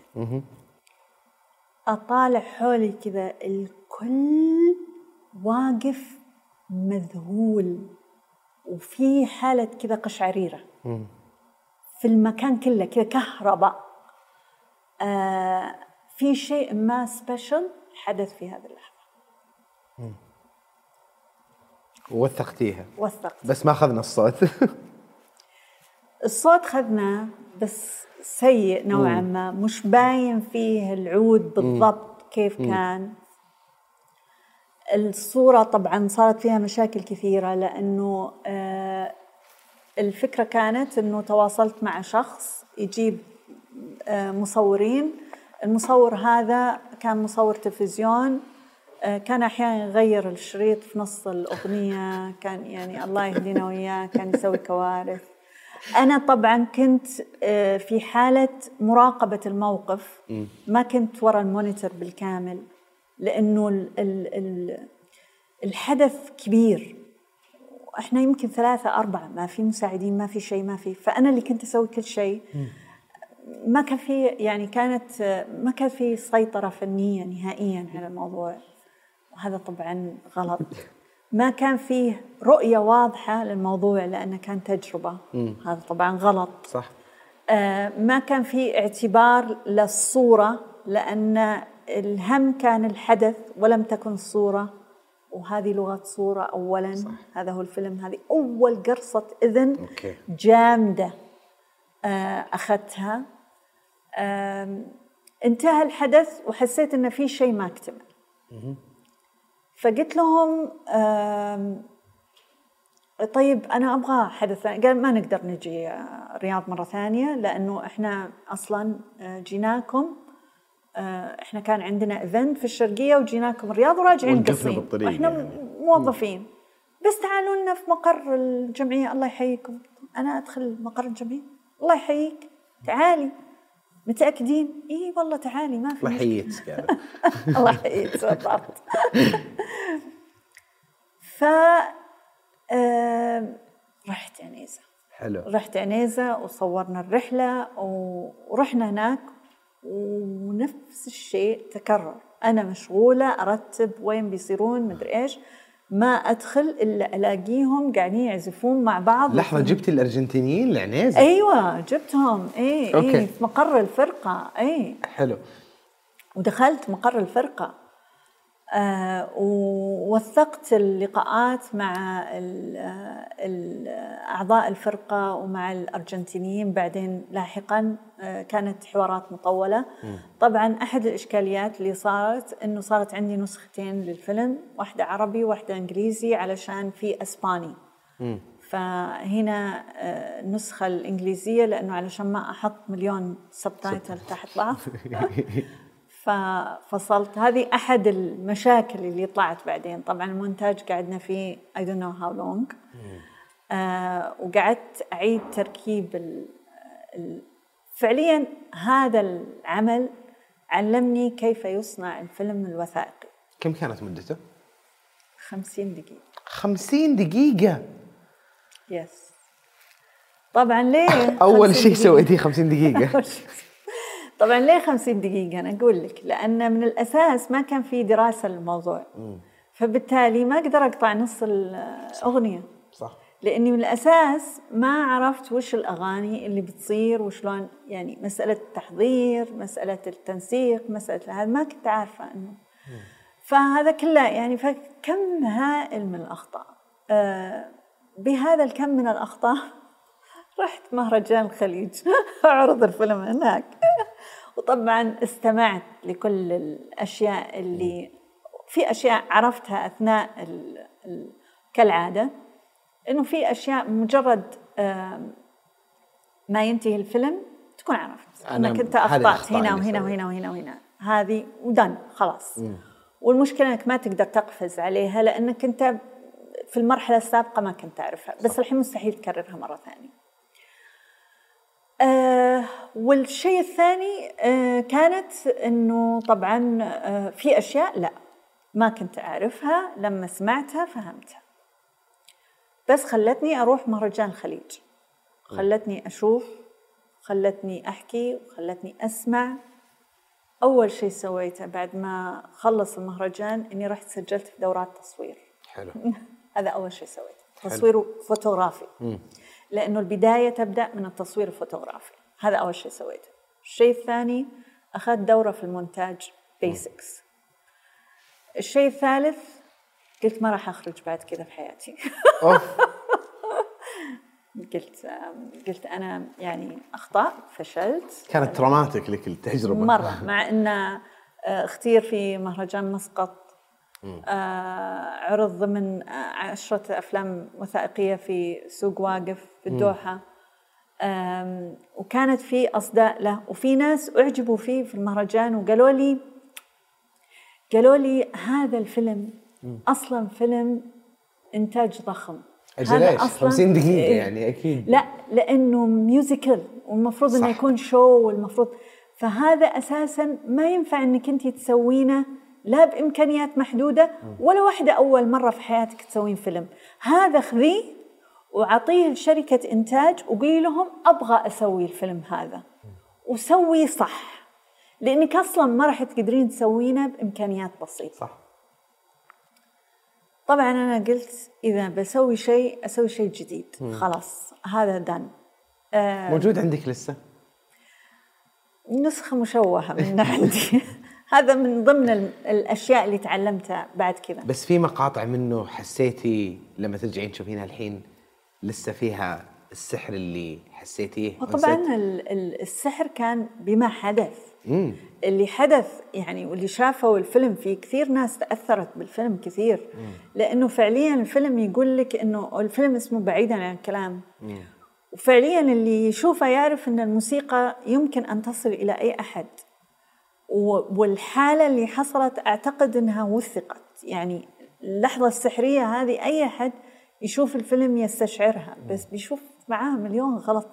عادي يعني بس إذا هي إذا إذا الحالة هذيك اللي لك من وصفك لها تخيلتها أبي أشوفها ف نحتاج منك اللينك ترى يعني. ما أدري إذا أقدر. أنا دائما أقول آه، هذا الفيلم يعني مساكين اللي اللي اشتغلوا معي فيه أنا أحس إنهم انظلموا. لأني ظلمتهم بقلة خبرتي يعني آه وإن شاء الله في يوم أقدر أعوضهم إياها.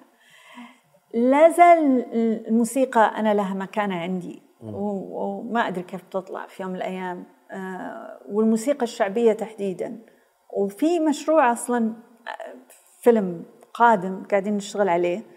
ناوية يعني موضوع الموسيقى هذا في الفيلم هذا تحديدا لأنه كمان هي جزء من القصة. آه حيكون يمكن كل الأخطاء هذه كانت زينة إن أنا وقعت فيها لإني الحين بعرف إن أنا شلون أطلعها بشكل مختلف. لكن عندي رغبة في الانتقام كبيرة جدا من ال- ال- الحالة اللي حصلت. وهذا هو الشيء اللي يحفزك للعمل. آه، أنا في بداياتي كنت بعد كل عمل أقول لا ما راح أشتغل. مرة ثانية أنا ما أنفع أكون مخرجة وأنا أنا يعني كان جلد الذات عندي مرة قوي. بعدها تعلمت إن لا هذا هو اللي بيخليكي الحين سوي عمل ثاني أحسن. ودائما أتحدى نفسي بالأحسن لأنه فعليا لو على الرضا أنا ولا عمل قدمته راضي عنه دائما ما ترضيني. دائما هي لأنه في كم كبير من الظروف آه، تحبطك وتخليك تسوي الأشياء مش بالشكل اللي أنت تماما تبغى تسوي فيها. ودائما هذه الحالة موجودة لكن هذه الحالة هي اللي تخليك تسوي شيء أحسن وأحسن وأحسن. فهي صحية إلى حد ما إذا ما قسيت على نفسك. وما وقفتك في مكانك. إيه. بس هذا اللي كنت بسألك. بعد بعيدا عن الكلام آه إيش العمل اللي بعده كان وكم بينهم اخراجيا مش كتابيا؟ آه وكيف كانت التجربة من انتقال من شيء شفتيه في مشاكل كثيرة إلى بستجمع قواي مرة ثانية وبآخذ كل الملاحظات اللي جتني والدروس اللي تعلمتها وراح أسوي شيء ثاني. إيش كان العمل اللي بعده؟ اللي بعده شكوى. شكوى. هذا 2009 وهذا 2014 خمس سنوات انقطعتي عن الإخراج. كتبتي فيها شيء؟ إي كتبت. كتابة فقط. أيوه. اشتغلت على نفسي في أنا قلت أنا يعني العمل هذا وراني وين أنا عندي نقاط ضعف كثيرة وأدواتي كلها محتاجة صقل كامل. فقلت لك التصوير رجعت ودرست تصوير. آه، مونتاج. مونتاج. الكتابة عاد لا. أخذتها بشكل انغمست فيها بالكامل. حلو. آه، دخلت آه، في كتابة المسلسلات. وكانت في شركة سيناريو في هذاك الوقت يكتبون ورش سيناريو. وقدمنا لهم أنا وصديقتي قدمنا لهم آه، آه، آه، كذا فكرة. وبعدين مزجت الفكرتين مع بعض وقالوا نبغى هذا العمل. فخلوني الهيد رايتر. فأنا مسكت عمل كتابة 30 حلقة. إحنا ستة كنا الورشة. آه، ثلاث آه، سيدات ثلاث كاتبات وثلاث كتاب. وأنا كنت الهيد رايتر اللي كتبت ست حلقات بما فيهم الأولى والأخيرة. من أمتع التجارب اللي مرت علي في حياتي. من أمتع أول شيء أن الآن أنا أول مرة يتم التعامل معي كمحترفة. أنا وقعت عقد على الكتابة والآن أصبحت كاتبة رسمي. فهذا شيء أسعدني كثير أنه أنا انتقلت إلى مرحلة أخرى. الفترة هذه كلها أنت متفرغة تماما ما اشتغلتي بال... بعد دراستك الأكاديمية ما ما اشتغلتي في أي مكان؟ كتبتي في جرايد؟ آه، لا أكتب جرايد. إيه كنت تكتبين وتشتغلين على المشاريع هذه إيه. على شكل جانبي. إيه. okay. خلاص يعني أنا سويت أشياء كثيرة في حياتي وزي ما قلت لك كانت في يعني أماكن رحت فيها درست في الجامعة مدري إيش حتى دربت فترة من الفترات. في فترات كانت توقف هذه اللي أضطر إني أسوي فيها شيء بس دائما الشيء اللي أسويه side job لأن أعرف هذا مو مكاني. وعلى قد ما إنه كثير كانت تجيني positive يعني feedback على أشياء كثيرة أنا سويتها في حياتي إنه لا ممتاز وكذا. بس كل مرة أنا أي شيء أسويه أحس إنه آه هذا الشيء أنا وأنا قاعدة أسويه في جزء مني مش معي. يعني أنا مو لاقية نفسك فيه يعني؟ بالكامل. بالكامل. مو لاقيه نفسي فيه بالكامل. في جزء مش آه، منسجم. لما أكتب أو أخرج هذه هي اللحظات أو أتكلم عن السينما. هذه هي اللحظات اللي أنا أنا ما أدري أنا وين فيها. أنا فعليا أفقد الإحساس بذاتي. بعيدا عن الكلام مثلا يعني أنا عمري ما تخيلت نفسي إن أنا ممكن أكون في مكان مع 60 رجل. امرأة وحيدة. ما أحس بوحشة. أصلا ما أدري أنا وين فيه فعليا. كنت أحيانا أشوف نفسي كذا في وسط الناس وما قاعدة أقول وكذا بعدين أقعد أقول مين هذه؟ هاي ما أعرفها ما أعرفها. في إنسانة أخرى تطلع. هذا الشيء أذهلني إنه في أحد آه، في في مكان لما أكون فيه قاعد تطلع مني أشياء أنا ما اعتدت عن نفسي. أنا ما أعرف إن أنا ممكن يكون في عدد كبير من الناس وأقول سووا كذا و... أنا مو بطبعي هذا أنا ما طبعي. هادئ وقاعد وكذا. ما كنت أعرف إن أنا ممكن أسوي كذا. ف- تعصبين بالست على فكرة تعصبين بوقت آه، التصوير قليل جدا ما ما أعصب تفصلين ما ما أحب. تصرخين يعني ما تطلعين عن طورك. نادر لا ما أحب. أه، تصير إذا يعني المسألة صارت كثير أه، سيئة لكن ما أحبها لأنها أول شيء تفقدني تركيزي وبعدين تسوي تنشن في المكان ما أحبه. أنا بالعكس الروح. دائما أحب أحافظ على الروح قدر الإمكان إنه كلنا نكون بروح واحدة. وهذه أنا أحس إنها مهمة جدا إنها تعطي يعني و- وما أدري شلون في ناس تنرفز كثير بالذات لأنه فعليا مو حلو هذا التوتر. ما قاعد في النهاية هذا عمل إبداعي. أنت تبغى تطلع من كل شخص أحسن ما عنده. لما توتر الأجواء يصير العمل آلي والناس تشتغل بس ما تشتغل بروحها تشتغل بس بعقلها وأنا هذا ما أحبه. أبغى أي حد يكون معي لا حاضر بالكامل. ف آه، فوقفت واشتغلت على الكتابة وقلت خليني شيء أحترفه احتراف لازم يكون عندي مواطن قوة. أنا اشتغلت وكنت مبعثرة في, في بعيدا عن الكلام. ما كان في شيء ثابت وواضح. الآن ما أبغى أشتغل بالطريقة هذه. ف آه، قلت خليني خليني أركز على الكتابة وأشوف موضوع الإخراج. هذا يعني ما أبغى أحطه في بالي.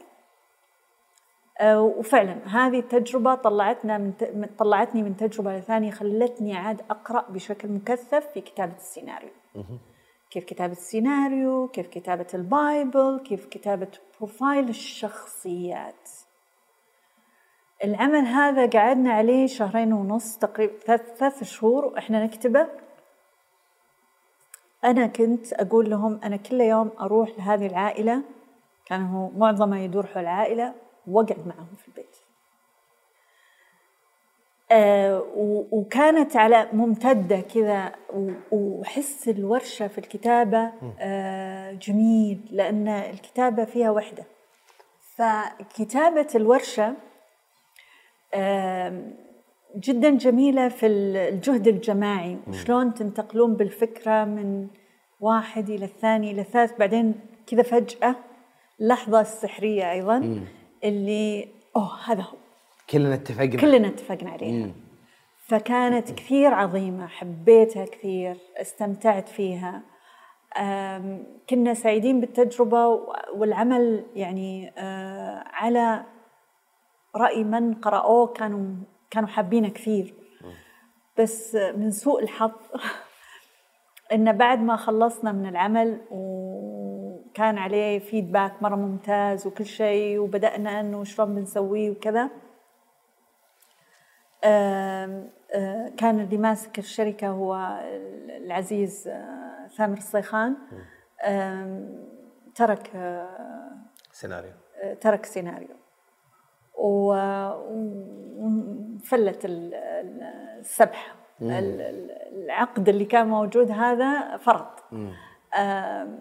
ما ما كملنا. العمل اكتمل وانتهى وانحط على الرف. وما نفذ إلى الآن. إلى الآن. إلى الآن. بعدها آه، رجعت للكتابة النقدية مع جريدة الرياض. آه وفي نفس الوقت كان شكوى.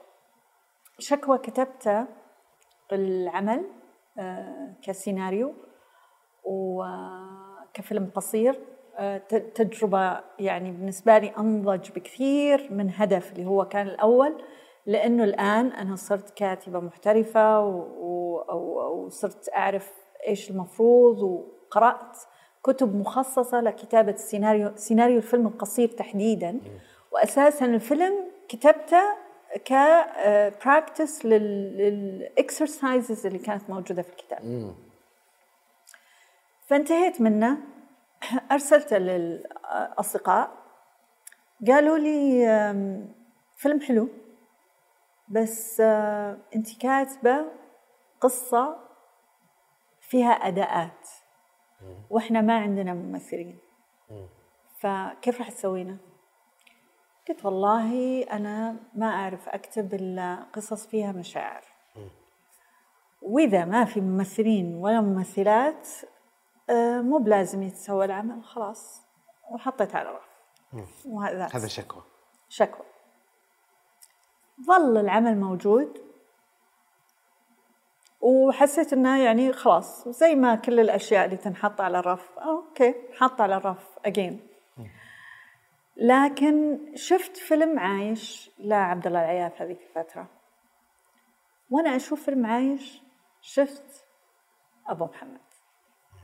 الفنان الجميل عبد آه، إبراهيم الحساوي. شفت إبراهيم الحساوي؟ قلت اب حق شكوى هذا. ف صرتي تفكرين كمخرجة. إي. إي. إي لأنه يعني واضح إنه ما في أحد متحمس للقصة قدي ف وبدأ الموضوع يصير ملح لدرجة إن آخر شيء وصلت إلى حالة إنه فعليا لو هذا آخر شيء بسويه في حياتي بسوي هذا الفيلم. كذا بدأ يصير الموضوع ملح. لأنه فرستريشن إن تكتب وما يطلع. وبعد مرة كان المسلسل على الرف بعد جهد وبعد تعب وبعد فهذا يعني آه، أحبطني كثير. وحسيت إنه طيب أنا كل الأشياء اللي سويتها الكورسات حقت التصوير المونتاج هذا طيب هذه مش قاعد أسوي فيها؟ هذه لازم أرجع أشوف. لازم أخذ تجربة من جديد. ف آه، فشكوى آه، هذه يعني حسيت إنه أنا لازم أسويه. في الفترة هذه كان في شيء معين قاعد يصير. كنا نتجمع آه وبدأت أجمع آه زملاء ونتجمع عندي في البيت وأسوي كسدية وبعدين صار ال group اسمه group كسدية كنا نبغى نسوي مجموعة أفلام كلها تدور في الرياض في يوم واحد. okay. كل واحد يكتب قصته. وبنطلعها مع بعض. بنشوف شلون إحنا as group نخلق حالة بحيث إنه ندعم بعض في في صناعة هذه الأفلام ونطلع فيها. فهذه الفترة أنا كتبت. كان شكوى يعني خلاص انكتب وصار جاهز بس أعرف أن شكوى مو حق هذه المجموعة.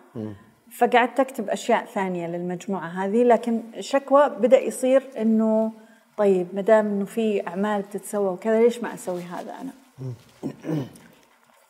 مع رجعة إنه لأنه خلاص يعني الآن السيناريو انتهت اختفت خلاص ما عادت موجودة. وإحنا موجودين إحنا كتبنا وكذا ونبغى نسوي شيء. عندنا طاقة إبداعية لازم تطلع. فهند كانت تشتغل على بسطة آه وكنت أشتغل وياها عليه. هند الفهد. هند فهد آه، بسطة كان من ضمن الأشياء اللي ال- القصص اللي, كانت الرياض. تبع المجموعة هذه. نعم. وفي نفس الوقت عندي شكوى. ف آه، فكان آه، طلال موجود آه، من ضمن ال group طلال عايل. آه، فطلال قال أنا ممكن أنتج هذا الفيلم. أوه okay. صار الحين في عندنا ممثل في عندنا منتج. لا الموضوع بدينا خلاص نبني. الموضوع.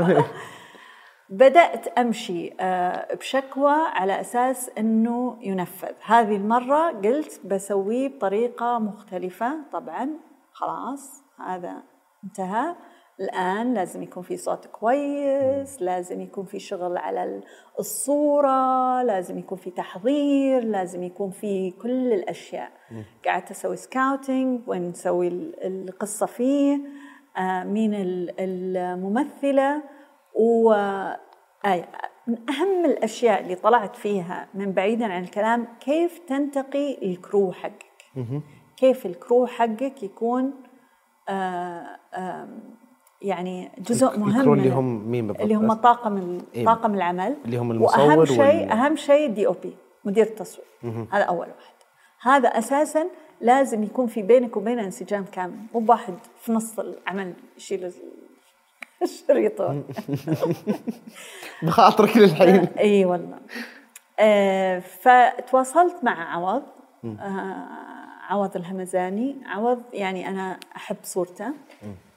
كثير. كنت جدا سعيدة إنه بدأ يعني يدخل في مجال السينما. لأن تو كان انتقل من التصوير الفوتوغرافي إلى أرسلت للنص. قعدنا نتناقش حوله. قعدنا نشوف كيف ال... إيش بنسوي؟ أنا هنا أبغى كذا. أنا يعني وبدينا نخلق حالة. آه، حكيت مع زارة البلوشي آه، وحبت الشخصية وشفت زارة هي الشخصية. خلاص بدأت العناصر تكتمل للعمل. حلو. طبعا صار في منغصات وأشياء حصلت كالعادة كما يحدث في كل عمل فني له تحدياته وفي كل عمل فني لا تمشي الأشياء بالضبط زي ما أنت تبي. بس لازم تكون مستعد backup plan. هذا من الأشياء اللي تعلمتها بعد شكوى. كيف تكون عندك backup plan. آه، لكن طبعا في هذه المرحلة ما كنت أعرف هذا. المهم أنه استطعنا أن نخرج بفيلم شكوى إلى حد ما يعني بشكل معقول. آه، في أشياء كانت في drop ات هنا وهناك كانت. آم، الظروف ما كانت طبعا سهلة في هذاك الوقت. ال- المشاهد الخارجية كنت كان عوض يروح في سيارة وأنا أروح وراه بالسيارة وبعدين هو يصور بعدين نوقف بعدين يوريني الصورة بعدين يقول له لا لما أقدر أوقف وياه. صح. وإحنا ناخذ الصور. في أماكن معينة التصوير فيها كان يعني صعب. صح. أيضا وجود ممثلين وممثلات كانت مسألة صعبة جدا 2014 بالذات إذا كانوا إكسترا. اي إيه. 2014 نعم. 2013 آخر 2013 حلو. أم طلع الفيلم شاركت فيه بمهرجانات؟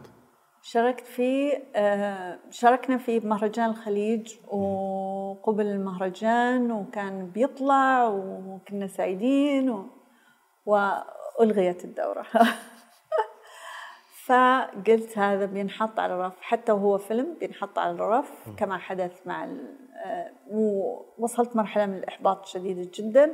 وقلت أرجع للكتابة النقدية خليني فيها بس الحين. واللي حصل إنه هذيك السنة آم، كوفئت مكافأة عظيمة جدا. ورحت مهرجان كان للمرة الأولى آه، أغطي آه، المهرجان. الله. فطبعا بعد ما رحت كان شفت أفلام كان تجي تقول لي على فيلم آه سويته في ال- يعني بهذه الظروف وبهذه ال- خلاص يعني شكوى ما عاد خلاص يعني تجربة وراحت وكذا ما ما كنت أفكر فيها. إيش القادم الآن؟ إنه الواحد يشتغل نقديا ما عاد في أي شيء ممكن الواحد يسويه. آم، كنت أكتب فيلم طويل في هذاك الوقت آم، وكان في تواصل حوله. وقلت لعله هو يكون المخرج. آم، بعدين توقف ال- العمل على الفيلم هذا وما تمت الاتفاقية. في نفس الوقت أعلن عن مهرجان الأفلام السعودية الدورة الثانية. كانت الأولى آه، 2008 والثانية 2015 فأذكر أن أنا وأنا قاعدة أكتب آه، واحدة من مقالاتي في الجريدة. آه، تواصل معي آه، أبو محمد. وقال لي آه، ليش ما تقدمين؟ شكوى. قدمتي؟ لا والله ما قدمت. قال لي ليش ما تقدمين؟ قلت له طيب قدم صح ممكن يعني. قدمته ما رحت المهرجان أرسل لي آم، اي أرسلوا لي طبعا عوض كان موجود و, و أبو محمد كان موجود. أنا ما, ما رحت المهرجان مو عن شيء حقيقة بس كان عندي شغل. فما كنت أقدر أروح. هذاك الوقت كان عندي آه، ارتباط بعمل يعني مؤقت بس كنت في. ساعات اي كان كان في آه، آه، وقت هذا ما أقدر أروح. ف قلت لهم خلاص أنتم روحوا. تمثلوا الفيلم أنتم يعني أنتم جزء شركاء فيه يعني. كل ال- الحالة يعني شكوى أنا لا يمكن أنساه لأنه كانت في حالة وروح غير عادية. العالم كانت تشتغل من قلبها بطريقة مذهلة. الكل كان حاب الفيلم رغم أن كلهم ما حبوه وهو سيناريو على فكرة. مقارنة بمقارنة بتجربتك في الفيلم الوثائقي فيعني أحس هالشيء لما شفتي كيف الناس عايشين روح الفيلم ومتحمسين معاك يشتغلون. تقولي لي ما كانوا مقتنعين فيه في البداية أحس الشيء هذا أثر بكثير يعني على اتجاهك للإخراج أكثر ولا؟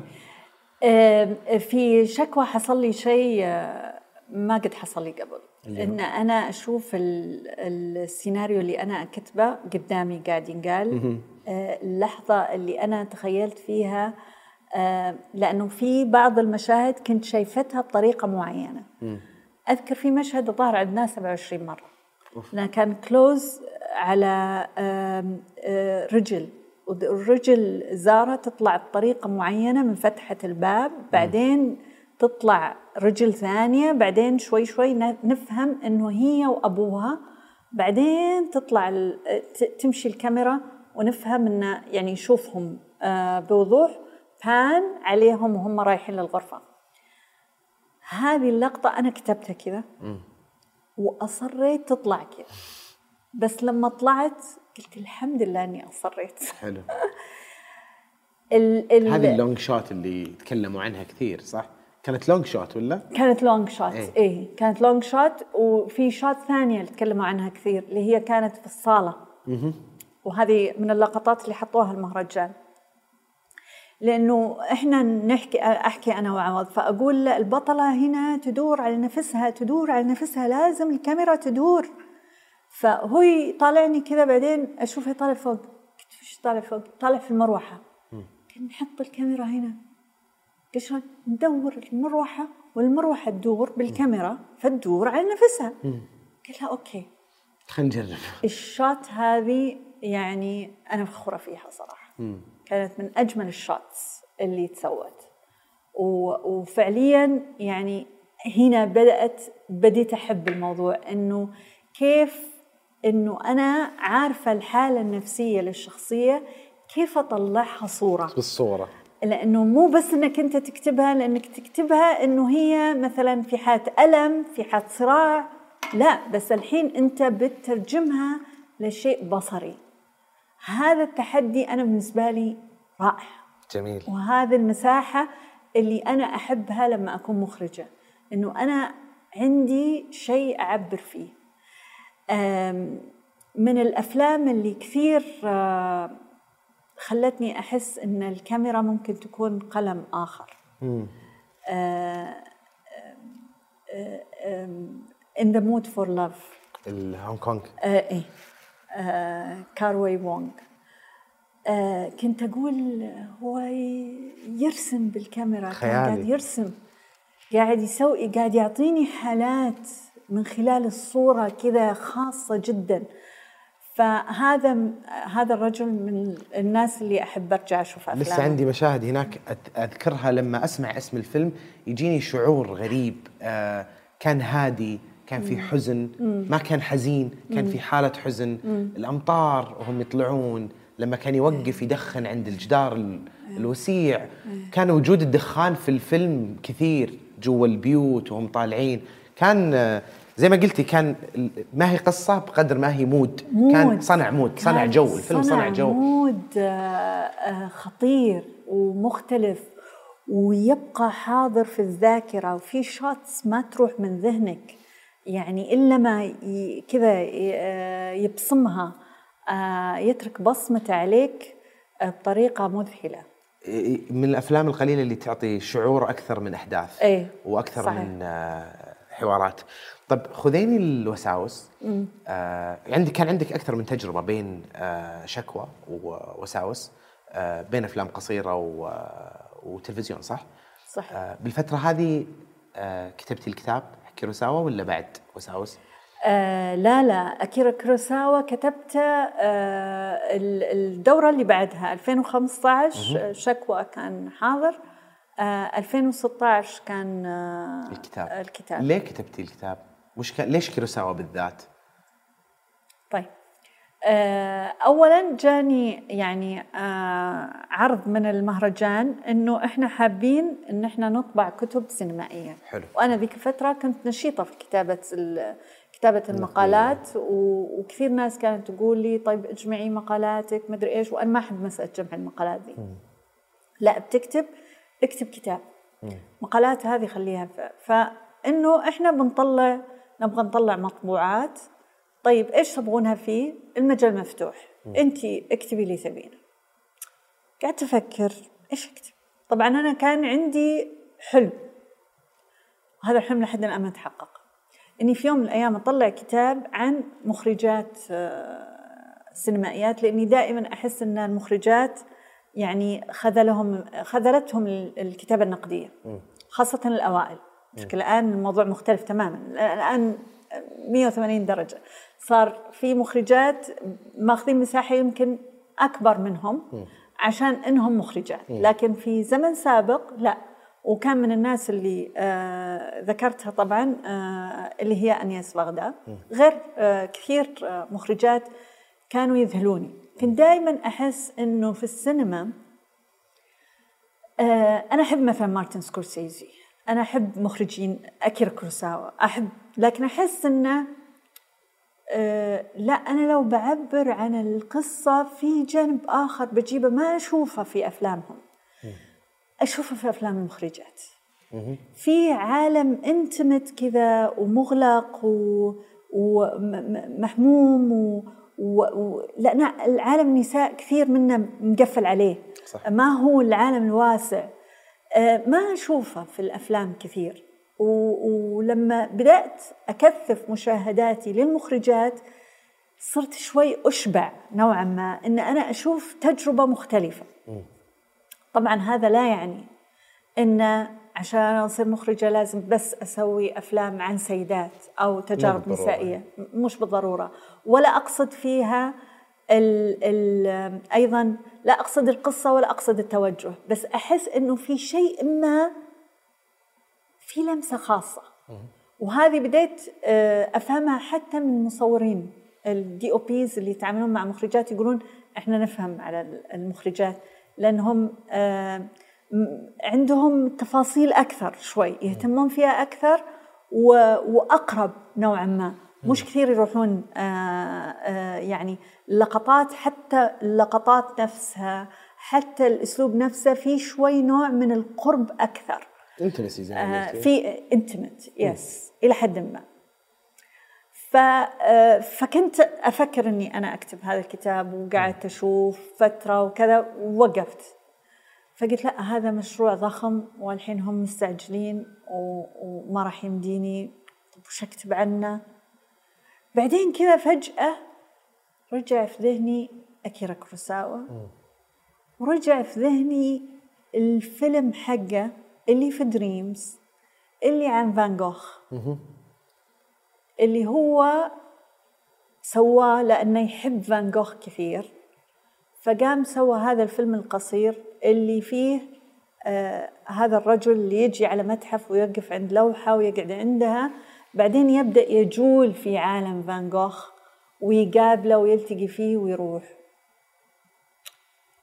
قلت آه طيب ماذا لو؟ أنا حييت كيروساوا بنفس الطريقة. تدخلين أفلامه؟ أمشي على أفلامه. والله. وأتوقف عنده كأني أعقد معاه لقاء متخيل زي ما هو عقد لقاء متخيل مع. فان جوخ. وبعدين أروح فكلمت المهرجان قلت لهم إنه كذا بكتب. قالوا okay go لأنه أكيرا كروساوا فعليا master one of the masters. هذا الشيء. والشيء الثاني أنا أحس أني أنا هو كان نافذتي للأفلام الأوروبية الفنية. لأني زي ما قلت لك أنه من بعد فيلم Dreams صرت أبحث عن هذا اللي خلاني لما رحت إدنبرا شفت ال Filmhouse. وبعدين دخل يعني يعني كان بوابة فعليا. فأنا أدين لهذا الرجل. وأحس إنه كنت دائما عندي رغبة إن أنا في يوم من الأيام إما بكتب فيلم أو بكتب كتاب عن ماذا لو كنت تلميذه لأحد هذول الماسترز؟ كيف بتعلم جميل. منهم فقلت خلاص أبدأ أبونا كيروساوا خلي أكيرا كيروساوا يكون هو ال ال ال الخطوة الأولى. الخطوة الأولى المعلم الأول اللي اللي أروح معاه وأعيش تجربته الخاصة. فقفلت على نفسي. ما عاد أروح ما عاد أجي. طول الوقت أشوف أفلامه أقرأ أشوف لقاءاته أقرأ كتب عنه. فعليا أنا عشت في عالمه طول ال- ال- الكتاب. آه، الفيلم كنت أشوفه بالمرتين والثلاثة وبعدين أرجع أشوف القراءة النقدية حقت الفيلم وأتوقف عندها. وبعدين دخلت حالة غريبة جدا لدرجة إني صرت أحس إني أشوفه قدامي آه، وتعلمت كثير كثير كثير. أنا فعلا حسيت إن أنا قاعدة كنت أخذت كورس مكثف مع أكيرا كروساوا. لأني كنت أشوف وش يقول وش يسوي. طبعا قرأت سيرته الذاتية. آه قعدت أقرأ أشوف كل المقالات اللي وطبعا مريت على أيضا المشاكل اللي عانى منها. وليش هو إيش المشكلة اللي كانت تجيه؟ لأنه هو ينغمس بالعمل بشكل كامل جدا. آه، بعدين لما يخلص ينغمس آه، بأنه يصرف على نفسه كان عنده lifestyle مدمر نوعا ما. آه، هو اللي خلاه على وشك إنه هو آه، آه، فعليا آه، أقدم على عملية انتحار. آه، ولا أنقذه إلا إنه آه، راح روسيا وسوى الفيلم الروسي حقه. اللي هو اللي أخذ عليه جائزة أفضل آه، فيلم. آه، وبعدين رجع توازن من جديد واللي أنقذه بعد كذا اللي هم أس- يعني الناس اللي يحبونه المخرجين الأمريكيين هم اللي أنتجوا له أفلام الأخيرة. لأنه الاستديوهات رفضت والله؟ إيه. ما كنت عرفت الشيء. هو طبعا هو نظام استوديو فهو آه، كان آه، من من يعني آه، اشتغل في الاستوديو مع مخرجين كبار وتعلم منهم وبعدين بدأ يخرج. كان يعني موسوس بطريقة مش طبيعية. نجاح مع نجاح بعد نجاح بدأ يصير يعني كثير متعب. ففيلمه اللي هو الفيلم اللي أخذ تقريبا أكثر من سنتين علشان يسويه وبنى له ست معينة هذا كان الفيلم اللي آه، صارت فيه القطيعة مع الممثل ال- المشهور اللي هو كان يحبه كثير في أفلامه المهم إنه كان ران الفيلم لا مو ران ران آه، ران اللي سووه آه، كان إنتاج أمريكي اي ران لأنه كانت ست كبيرة إيه، وكانت قصور إيه، كبيرة إيه، وكان إيه، في. انفجارات طبعاً. يعني يختلف تماما عن Seven Samurai والأشياء اي اي اي إيه. لأنه. هذا اي بس هو كان يعني كان يعاتبهم حتى على لون الخشب إنه الحقبة هذه آه، ما يستخدم فيها هذا هذا. الخشب. اي واو. اي فكان إلى هذه الدرجة من الدقة. فلما آه، تواصلوا معه استوديوهات في طبعا بدأ صار في يعني أزمة في السينما اليابانية وما عاد في إنتاجات ضخمة. وتواصلوا مع آه، شركة أمريكية علشان يروح راح ما آه، أعطوه فرصة إنه هو ياخذ جزء كبير من ال crew اللي معه. ال culture حقت studios في أمريكا مختلفة عن اليابان فهو حجرت مساحته. فما عرف يشتغل ما عرف يشتغل نهائي. قاعد كذا سنة يعني يحاول إنه العمل بيطلع بيطلع بيطلع ما طلع العمل. فرجع نوعا ما بفشل. فهذا وكان طبعا دخلت الألوان وهو أصلا كان يعني خايف يدخل في موضوع الألوان لأن كانت كل أفلامه الناجحة الأولى أبيض وأسود. آه فدخل في حالة اكتئاب و- وأقدم على الانتحار. آه وبعدها اللي أنقذه فيلم آخر. كان يقول أنا أمنيتي في الحياة إن أنا أموت في ست. في ست. خلينا نتكلم عن وساوس طيب. لأنه في شيء مرة قريب من ذا الشيء. احكي لي عن وساوس ك طبعا وساوس كان له دور مهم جدا آه، كأول مسلسل قصير على حد علمي آه، ما أخذ معادلة ال 30 حلقة اللي كنا نشوفها في رمضان في المسلسلات اللي تمطط القصة ويعني تكون غالبا آه، الهدف منها مثل مثل ألعاب الجوال اللي ترجعك وتشوفين وتربطك لاطول فترة مثل السوب أوبراز المكسيكية وغيرها اللي تحولت المسلسلات الخليجية آه، أخذت الطابع هذا اللي هو خليني أربطك معي فترة طويلة وأكسبك وأوريك أكثر إعلانات. آه، صناع الأفلام عندهم صعوبة وعنده ويواجهون صعوبة مع هذا الشيء. عندهم مشاكل مع قبل رمضان بشهر خلص لي 30 حلقة وريني كل اللي عندك. إيه. وشيء متعب. وأعتقد أنت كان عندك تجربة في هالشيء. يعني آه، كان عندك أكثر اعمال من تجربة. اي أكثر من تجربة. اي آه، مع آه، أستاذ ناصر القصبي وعبد الله السدحان بعد وتجارب مختلفة تماما. فحسيتي بالتوتر اللي يصير قبل ما تنزلين في شيء في رمضان بوقت محدود فترات طو... عدد حلقات طو... كثير وحلقات برضو طويلة بعد 45 دقيقة نص ساعة. كيف كانت تجربة وساوس وأثرها على صناع الأفلام اللي موجودين وحتى تقبل المنصات والجهات المنتجة إنه آه نقدر نحكي قصة جميلة بست ثمان حلقات. أه، وساوس الحقيقة أنا سعيدة جدا بالأثر اللي تركته لأنه فعليا أه، أثبتت أن أه، ثمان حلقات ممكن تكون أه، وجبة فنية ممتازة أنها تكون وأنه المنصات أيضا يعني التوجه إلى المنصات فتحت الأذهان على أنه آه، كثير ناس بدأت تتواصل معي أنه إحنا كيف نروح نتفليكس نبغى نسوي قصة مدري إيش. آه، صار أصلا في أنه ممكن أنت تسوي قصة وممكن أنها تلقى قبول أن تكون في منصة آه، عالمية. آه، موضوع الثمان حلقات هذا أنا مؤمنة تماما أن ال- ال- القصص المتميزة دائما ستكون بالعدد ال- ال- المحدود. وكنت طبعا أنا دخلت على موضوع ال- الحلقات المنفصلة وحسيت إنه آه، يعني بعد حلقتين سويتها في بدون فلتر إن أنا الآن أبغى أخوض حلقة أبغى أخوض قصة ممتدة أشوف شلون القصة الممتدة تكون لكن في نفس الوقت أنا ما أبغاها تكون ممتدة امتداد لا نهاية. صح. أنا أبغاها تكون مكثفة علشان أقدر أحكمها. وأنا يعني كان هاجسي كذا أنا هذه أنا أبغى أخوض هذه التجربة. إني أعيش آه، كيف ممكن تكون؟ آه، إلى جانب إنه طبعا كانت تجربة إن تصوير خارج السعودية إن ت- تصوير مع كرو محترف. آه، كيف ممكن تكون؟ إيش النتيجة اللي ممكن تطلع؟ كلها تحديات لكن في نفس الوقت تجارب الواحد بيتعلم منها.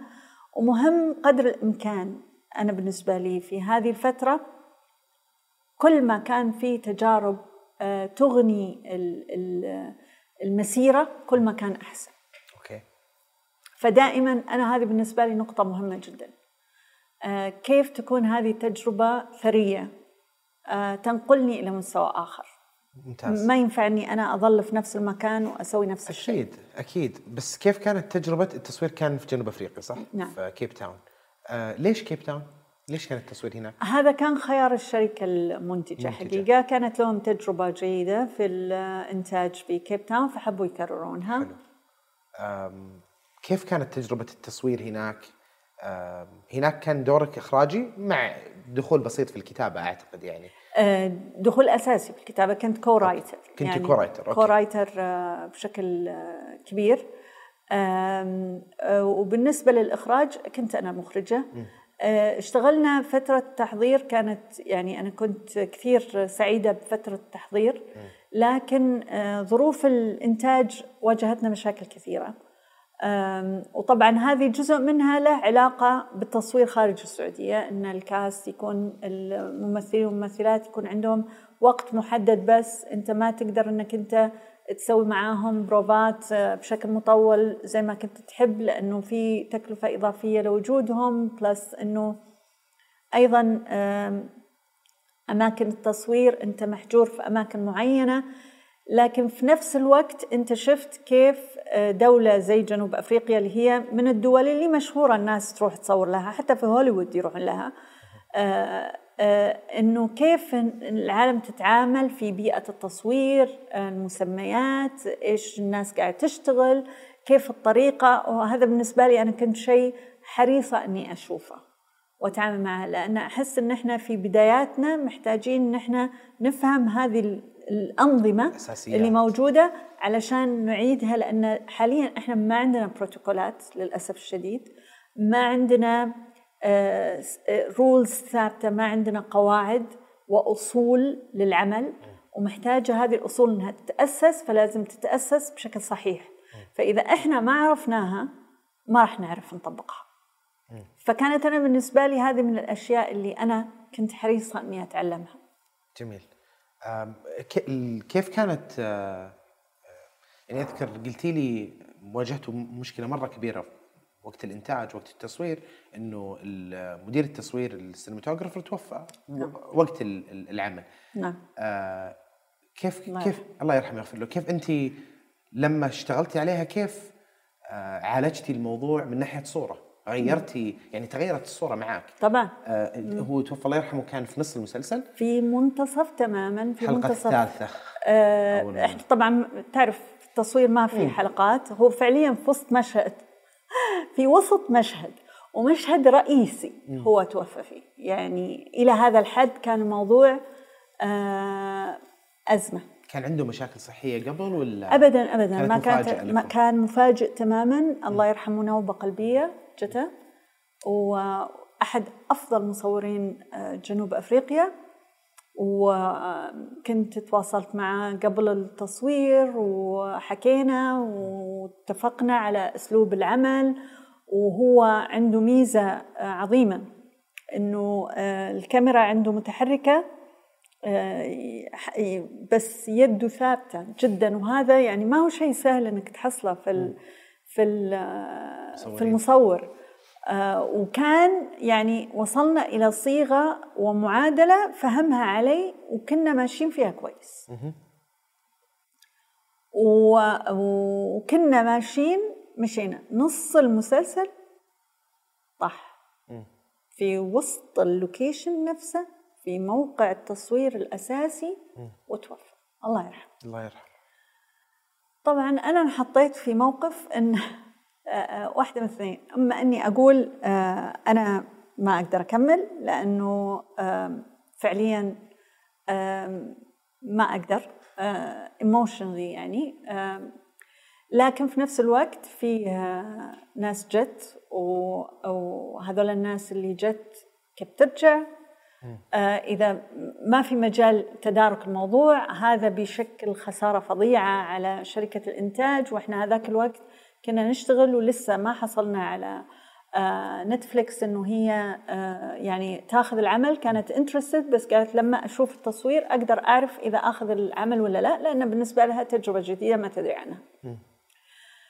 ف انحطيت في يعني حسيت إنه المسؤولية تحتم علي إني أستمر وأضغط على نفسي. آه ضغطت على نفسي وأنا عارفة إن في أشياء تأثرت بالعمل. آه عارفة إنه في آه مشاكل معينة لن أستطيع أن أنجو بها. آه حاولنا معالجة الموضوع ب يعني أقل قدر من الخسائر بإن نفس الفريق لأن هي كان يعني في المصور الثاني اللي كان وياه صار هو الدي أو بي وجبنا مصور آخر لأنه هو اللي فاهم أسلوب العمل وفهم طبيعة القصة وكذا وصار صعب جدا إن إحنا نجيب شخص آخر. هو أيضا يا حرام كان متألم ومرتبك في بعض المواقف لأن يعني إحنا لسه نصور في نفس المكان اللي توفى فيه. آه فكان آه يعني جدا تجربة مؤلمة للغاية. آه لكن يعني الحمد لله إنه إحنا قدرنا نطلع فيها بعمل. كيف كان طبعا بدون أي نقاش اليوم هذاك ألغي كيوم تصوير. طبعا ثلاث بعدين أيام. اخذته ثلاث أيام. إيه؟ كيف كان شعورك وأنت راجعة لنفس ال location؟ وفي بالك المشهد. كيف قدرتي كيف قدرتي تحبسين العواطف والتجربة الإنسانية اللي مريتي فيها وقلتي خلاص أنا راح أركز على العمل؟ لأنه مو سهل جدا يعني إذا تو نتكلم إنه في ناس ما يتحملون يفصلون ويزعلون صحيح. بالست هذا النقيض تماما. كيف قدرتي كذا تمسكين أعصابك؟ تركزين على العمل؟ فعليا إحنا اللي سويناه إنه وقفنا هذا المشاهد اللي في هذا ال location عدة أيام ورحنا لوكيشنات ثانية شوي علشان ننساه. بعدين رجعنا وتجنبنا نوعا ما المشهد اللي هو توفى فيه. وبعدين لما رجعنا نسويه كان في عندي كذا شيء طول الوقت إنه هذا جزء من مشهد مشهد اوريدي انأخذ. طبعا أنا عارفة تماما إني لا يمكن إني أنا أحافظ على الحالة العاطفية اللي كانت موجودة لأنه في شيء انفقد يعني انكسر بس على أقل تقدير إنها بصريا ما تتأثر فشلون نرجع نعيد المشهد وتعرف يعني جنوب أفريقيا أيام في غيم أيام في صح. وكان قزاز كل آه. البيت كيف نرجع نعيد نفس الإضاءة بنفس الشكل ونعطيها كلها إنه هي تبان نفسها. آه حقيقة لازم أقول إنه كلنا وقفنا مع بعض. يعني الحالة كانت حالة تآزر كبيرة من كل فريق العمل. آه وأنا أحيي الجميع. آه حتى طبعا الجهه المنتجة الله يعطيهم العافية آه وأيضا الكاست الله يعطيهم العافية لأنه كمان وقفتهم معنا كانت مهمة. لو ما كانوا موقفين معنا لأنه الكل تأثر يعني مو بس أنا حتى هم نفس الشيء. أكيد. الكل ضغط على نفسه بس يعني في النهاية كان في روح حلوة بشغلة معينة. كرروها الفريق الجنوب أفريقي وحسيت إنها شيء جميل جدا إن هذا آخر عمل لمارك الله يرحمه. فما دام إنه توفى فيه لازم يطلع. أوكي. فكانت جزء من الوفاء لهذا الشخص أيضا. كيف؟ إنه لازم يطلع العمل قصدك. لازم يطلع آه، آه العمل. يعني هذا آخر هذا العمل مات وهو ينفذه. فعلى الأقل على أقل تقدير يطلع. يعني مو معقوله كمان يتوفى وما يطلع. صح. ف فهذا اللي كان يخلينا نضغط على نفسنا ونكمل. كان عادة أنت عارف في كلابر أي في الكلابر ينحط اسم المخرج وينحط اسم ال DOP لما يتوفى ال DOP في تقليد عندهم يحطون شريط أسود مكان اسمه. ويظل هذا الشريط الأسود موجود. آه وكان هو الله يرحمه كان يحكي عنه وكيف إنه هو يحب هذا الشيء إنه إحساس بال يعني الوفاء للشخص اللي اللي توفى ويظل بس هو اسمه اللي موجود. هذا اللي حصل. للأسف أحيانا الأمنيات آه مش حلوة. إن بالذات الواحد لازم ينتبه لأمنياته ما ي... ما يتمنى أمنيات سيئة زي هذه. بس هذا اللي سويناه وأهدينا العمل في البداية إلى روحه. الله يرحمه. الله يرحمه. آه وطلع العمل وكان استقبال الناس له جميل. آه متأكد طلعتي منه دروس كثيرة. أوه. ويعتبر آه آخر أكبر عمل اشتغلتي عليه صح؟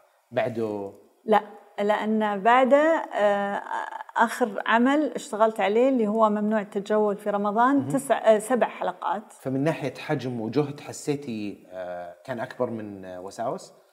إيه لأن حلقات منفصلة. أوكي. ف وحلقات منفصلة وتحديت نفسي في إني أنا أحاول إني أنوعها ما تكون واحدة. فكان منهك ورمضان و30 حلقة وبرا السعودية أيضا وكورونا. فيعني كانت كمية تحديات. يعني. فكمية التحديات كانت كبيرة جدا لكن أيضا كانت خبرة مهمة جدا وسعدت فيها وسعدت باللي آه يعني تعلمته منها. جميل. آه والحين أنت شغالة على كم شيء؟ بالخفاء صحيح. صحيح بالسر ما نقدر نتكلم عن كلها بس هل في أي أعمال قريبة حابة تتكلمين عنها أو تذكرينها شغال عليها الحين؟ في فيلمين طويلين قاعدة أشتغل عليهم كل واحد فيهم تجربة خاصة واحد اقتباس لعمل أدبي سعيدة فيه ما أقدر أعطي معلومات كثيرة عنه إلى أن إن شاء الله يعني تصير في أخبار سعيدة حوله إن شاء الله. آه العمل الثاني أيضا هو تجربة أنا كثير آه يعني حبتها وإن شاء الله يا ربي ترى النور آه قريبا. هي تجربة آه، صناعة فيلم مشترك مع مخرج العزيز بسام ذوادي اللي هو يعني السينمائي الأول في في الخليج نقدر نقول عراب السينمائيين الخليجيين. ونواف الجناحي آه، آه، فتجربة آه، مختلفة بالنسبة لي إن إحنا الثلاثة نشتغل مع بعض على قصص متداخلة واحدة في فيلم طويل. فهذه هذه تجربة يعني أيضا أنا متحمسة لها. أنا اللي أكتب النص. وإحنا الثلاثة اللي حنخرجها سوا. كتركيبتها هل هي مشابهة لشيء مثل Wild Tales إنه القصص منفصلة لكن لها ثيم ولا تتداخل على بعض؟ تتداخل. مم. تتداخل لأنها متداخلة زمنيا. okay. أيضا. فأقرب الماجنوليا يعني إن شاء الله تطلع هذا الشكل. إن شاء الله يا رب. طيب كلميني عن الجمعية جمعية السينما. السينما. آه ألف مبروك ما شاء الله تبارك الله الله يبارك فيك آه يعني ألف مبروك إطلاقها وألف مبروك آه كونك يعني رئيس مجلس الإدارة آه، إيش أهدافها يعني كثير يعني سمعنا الخبر وكل أحد تحمس بس مو واضح تماما حتى الآن وأعتقد إنه أنتم لسه هي في طور يعني الإطلاق صحيح آه بس أبي أعرف منك آه إيش معنية بإيش؟ إيش أهدافها؟ إيش استراتيجيتها؟ شغالة على إيش؟ يعني على قد ما تقدرين تشاركينا يعني الوقت هذا. طبعا إي إحنا لازلنا يعني نخوض آه، آه، يعني الخطوات الأولى اجتماع مجلس الاداره اليوم تحديدا هذا أول اجتماع حيكون آه، بعد بعد إطلاق الجمعية ولسه في خطوات كثير في التأسيس مقر وغيره وأمور كثيرة. لكن تركيز الجمعية الأول هو إثراء المحتوى المعرفي والثقافي للسينما فيما يتعلق بمجال السينما سواء كان للصناع آه، والعاملين في المجال أو لأفراد الجمهور. آه، فهذه النقطة آه، مهمة جدا وهي الأساس في إنشاء هذه الجمعية. تنظيم أيضا فعاليات متعلقة وعروض سينمائية طبعا حتكون غير تجارية. نرجع للحالة اللي كان الواحد يحب إنه يشوفها. لأن أعتقد أنها مسألة مهمة أيضا أن إحنا نشوف تجارب سينمائية مختلفة عن العروض التجارية اللي موجودة. آه هذه من الأشياء اللي نسعى لها بكل تأكيد. آه عروض لأفلام أيضا سينمائية آه عروض أفلام سعودية في الخارج. آه والعكس يعني تنظيم فعاليات من هذا النوع يكون فيها هذا التبادل السينمائي الثقافي. آه بالإضافة إلى طبعا إصدار دوريات آه ترجمة كتب كل ما من شأنه إثراء المحتوى المعرفي والثقافي في مجال السينما. الله. طب جميل جدا. أول متى متى بتشوف بتشوف النور؟ متى بنبدأ نشوف والله إحنا هذه؟ إن شاء الله آه، يعني آه، مع ال- جالسين نشتغل على أيضا آه، وضع الاستراتيجية ال- الأساسية والأنشطة ال- ال- الأولى اللي بنعلن عنها في مؤتمر صحفي بإذن الله. سنعلن عن استراتيجية كاملة و- وعن النشاطات القادمة بإذن الله. يلا يا رب الله يوفقكم. ومرة صراحة شيء يعني جميل ويثلج الصدر ويطمن للي جاي خاصة يعني وجودك فيه ووجود الأعضاء كلهم يعني شيء شيء متحمس له الصراحه كثير وطبعا أكيد إنه يعني من الأشياء الأساسية اللي حتصير إنه فتح باب العضويات في أكيد. يعني سنستقبل أعضاء آه، آه، جدد بإذن الله آه، بس نضع النظام لها ونفتحها علشان نسعد بالجميع وبال وبالانبوت كمان اللي ممكن يحطونه لنا أنا إثباتي جاهز فيه. بسجل معكم من الحين. الله يسعدك. شكرا لك. شكرا. مرة انبسطت الصراحه تسلم. شكراً. متحمس للجلسات الجاية على الأفلام إن شاء الله يعني. إن على شاء. فيلمك اللي جاي نتكلم تفاصيل. وتعلميني كيف أكثر من مخرج يخرجون فيلم بدون ما يف- يفصلون على بعض. آه، هذه هذه بنجرب نشوفها. والله شوف إحنا جالسين نقعد فترات مطولة مع بعض. اجتماعات مكثفة. فنشوف شلون تصير التجربة. يلا يا رب على خير إن شاء الله. الله يسعدك. شكرا لك.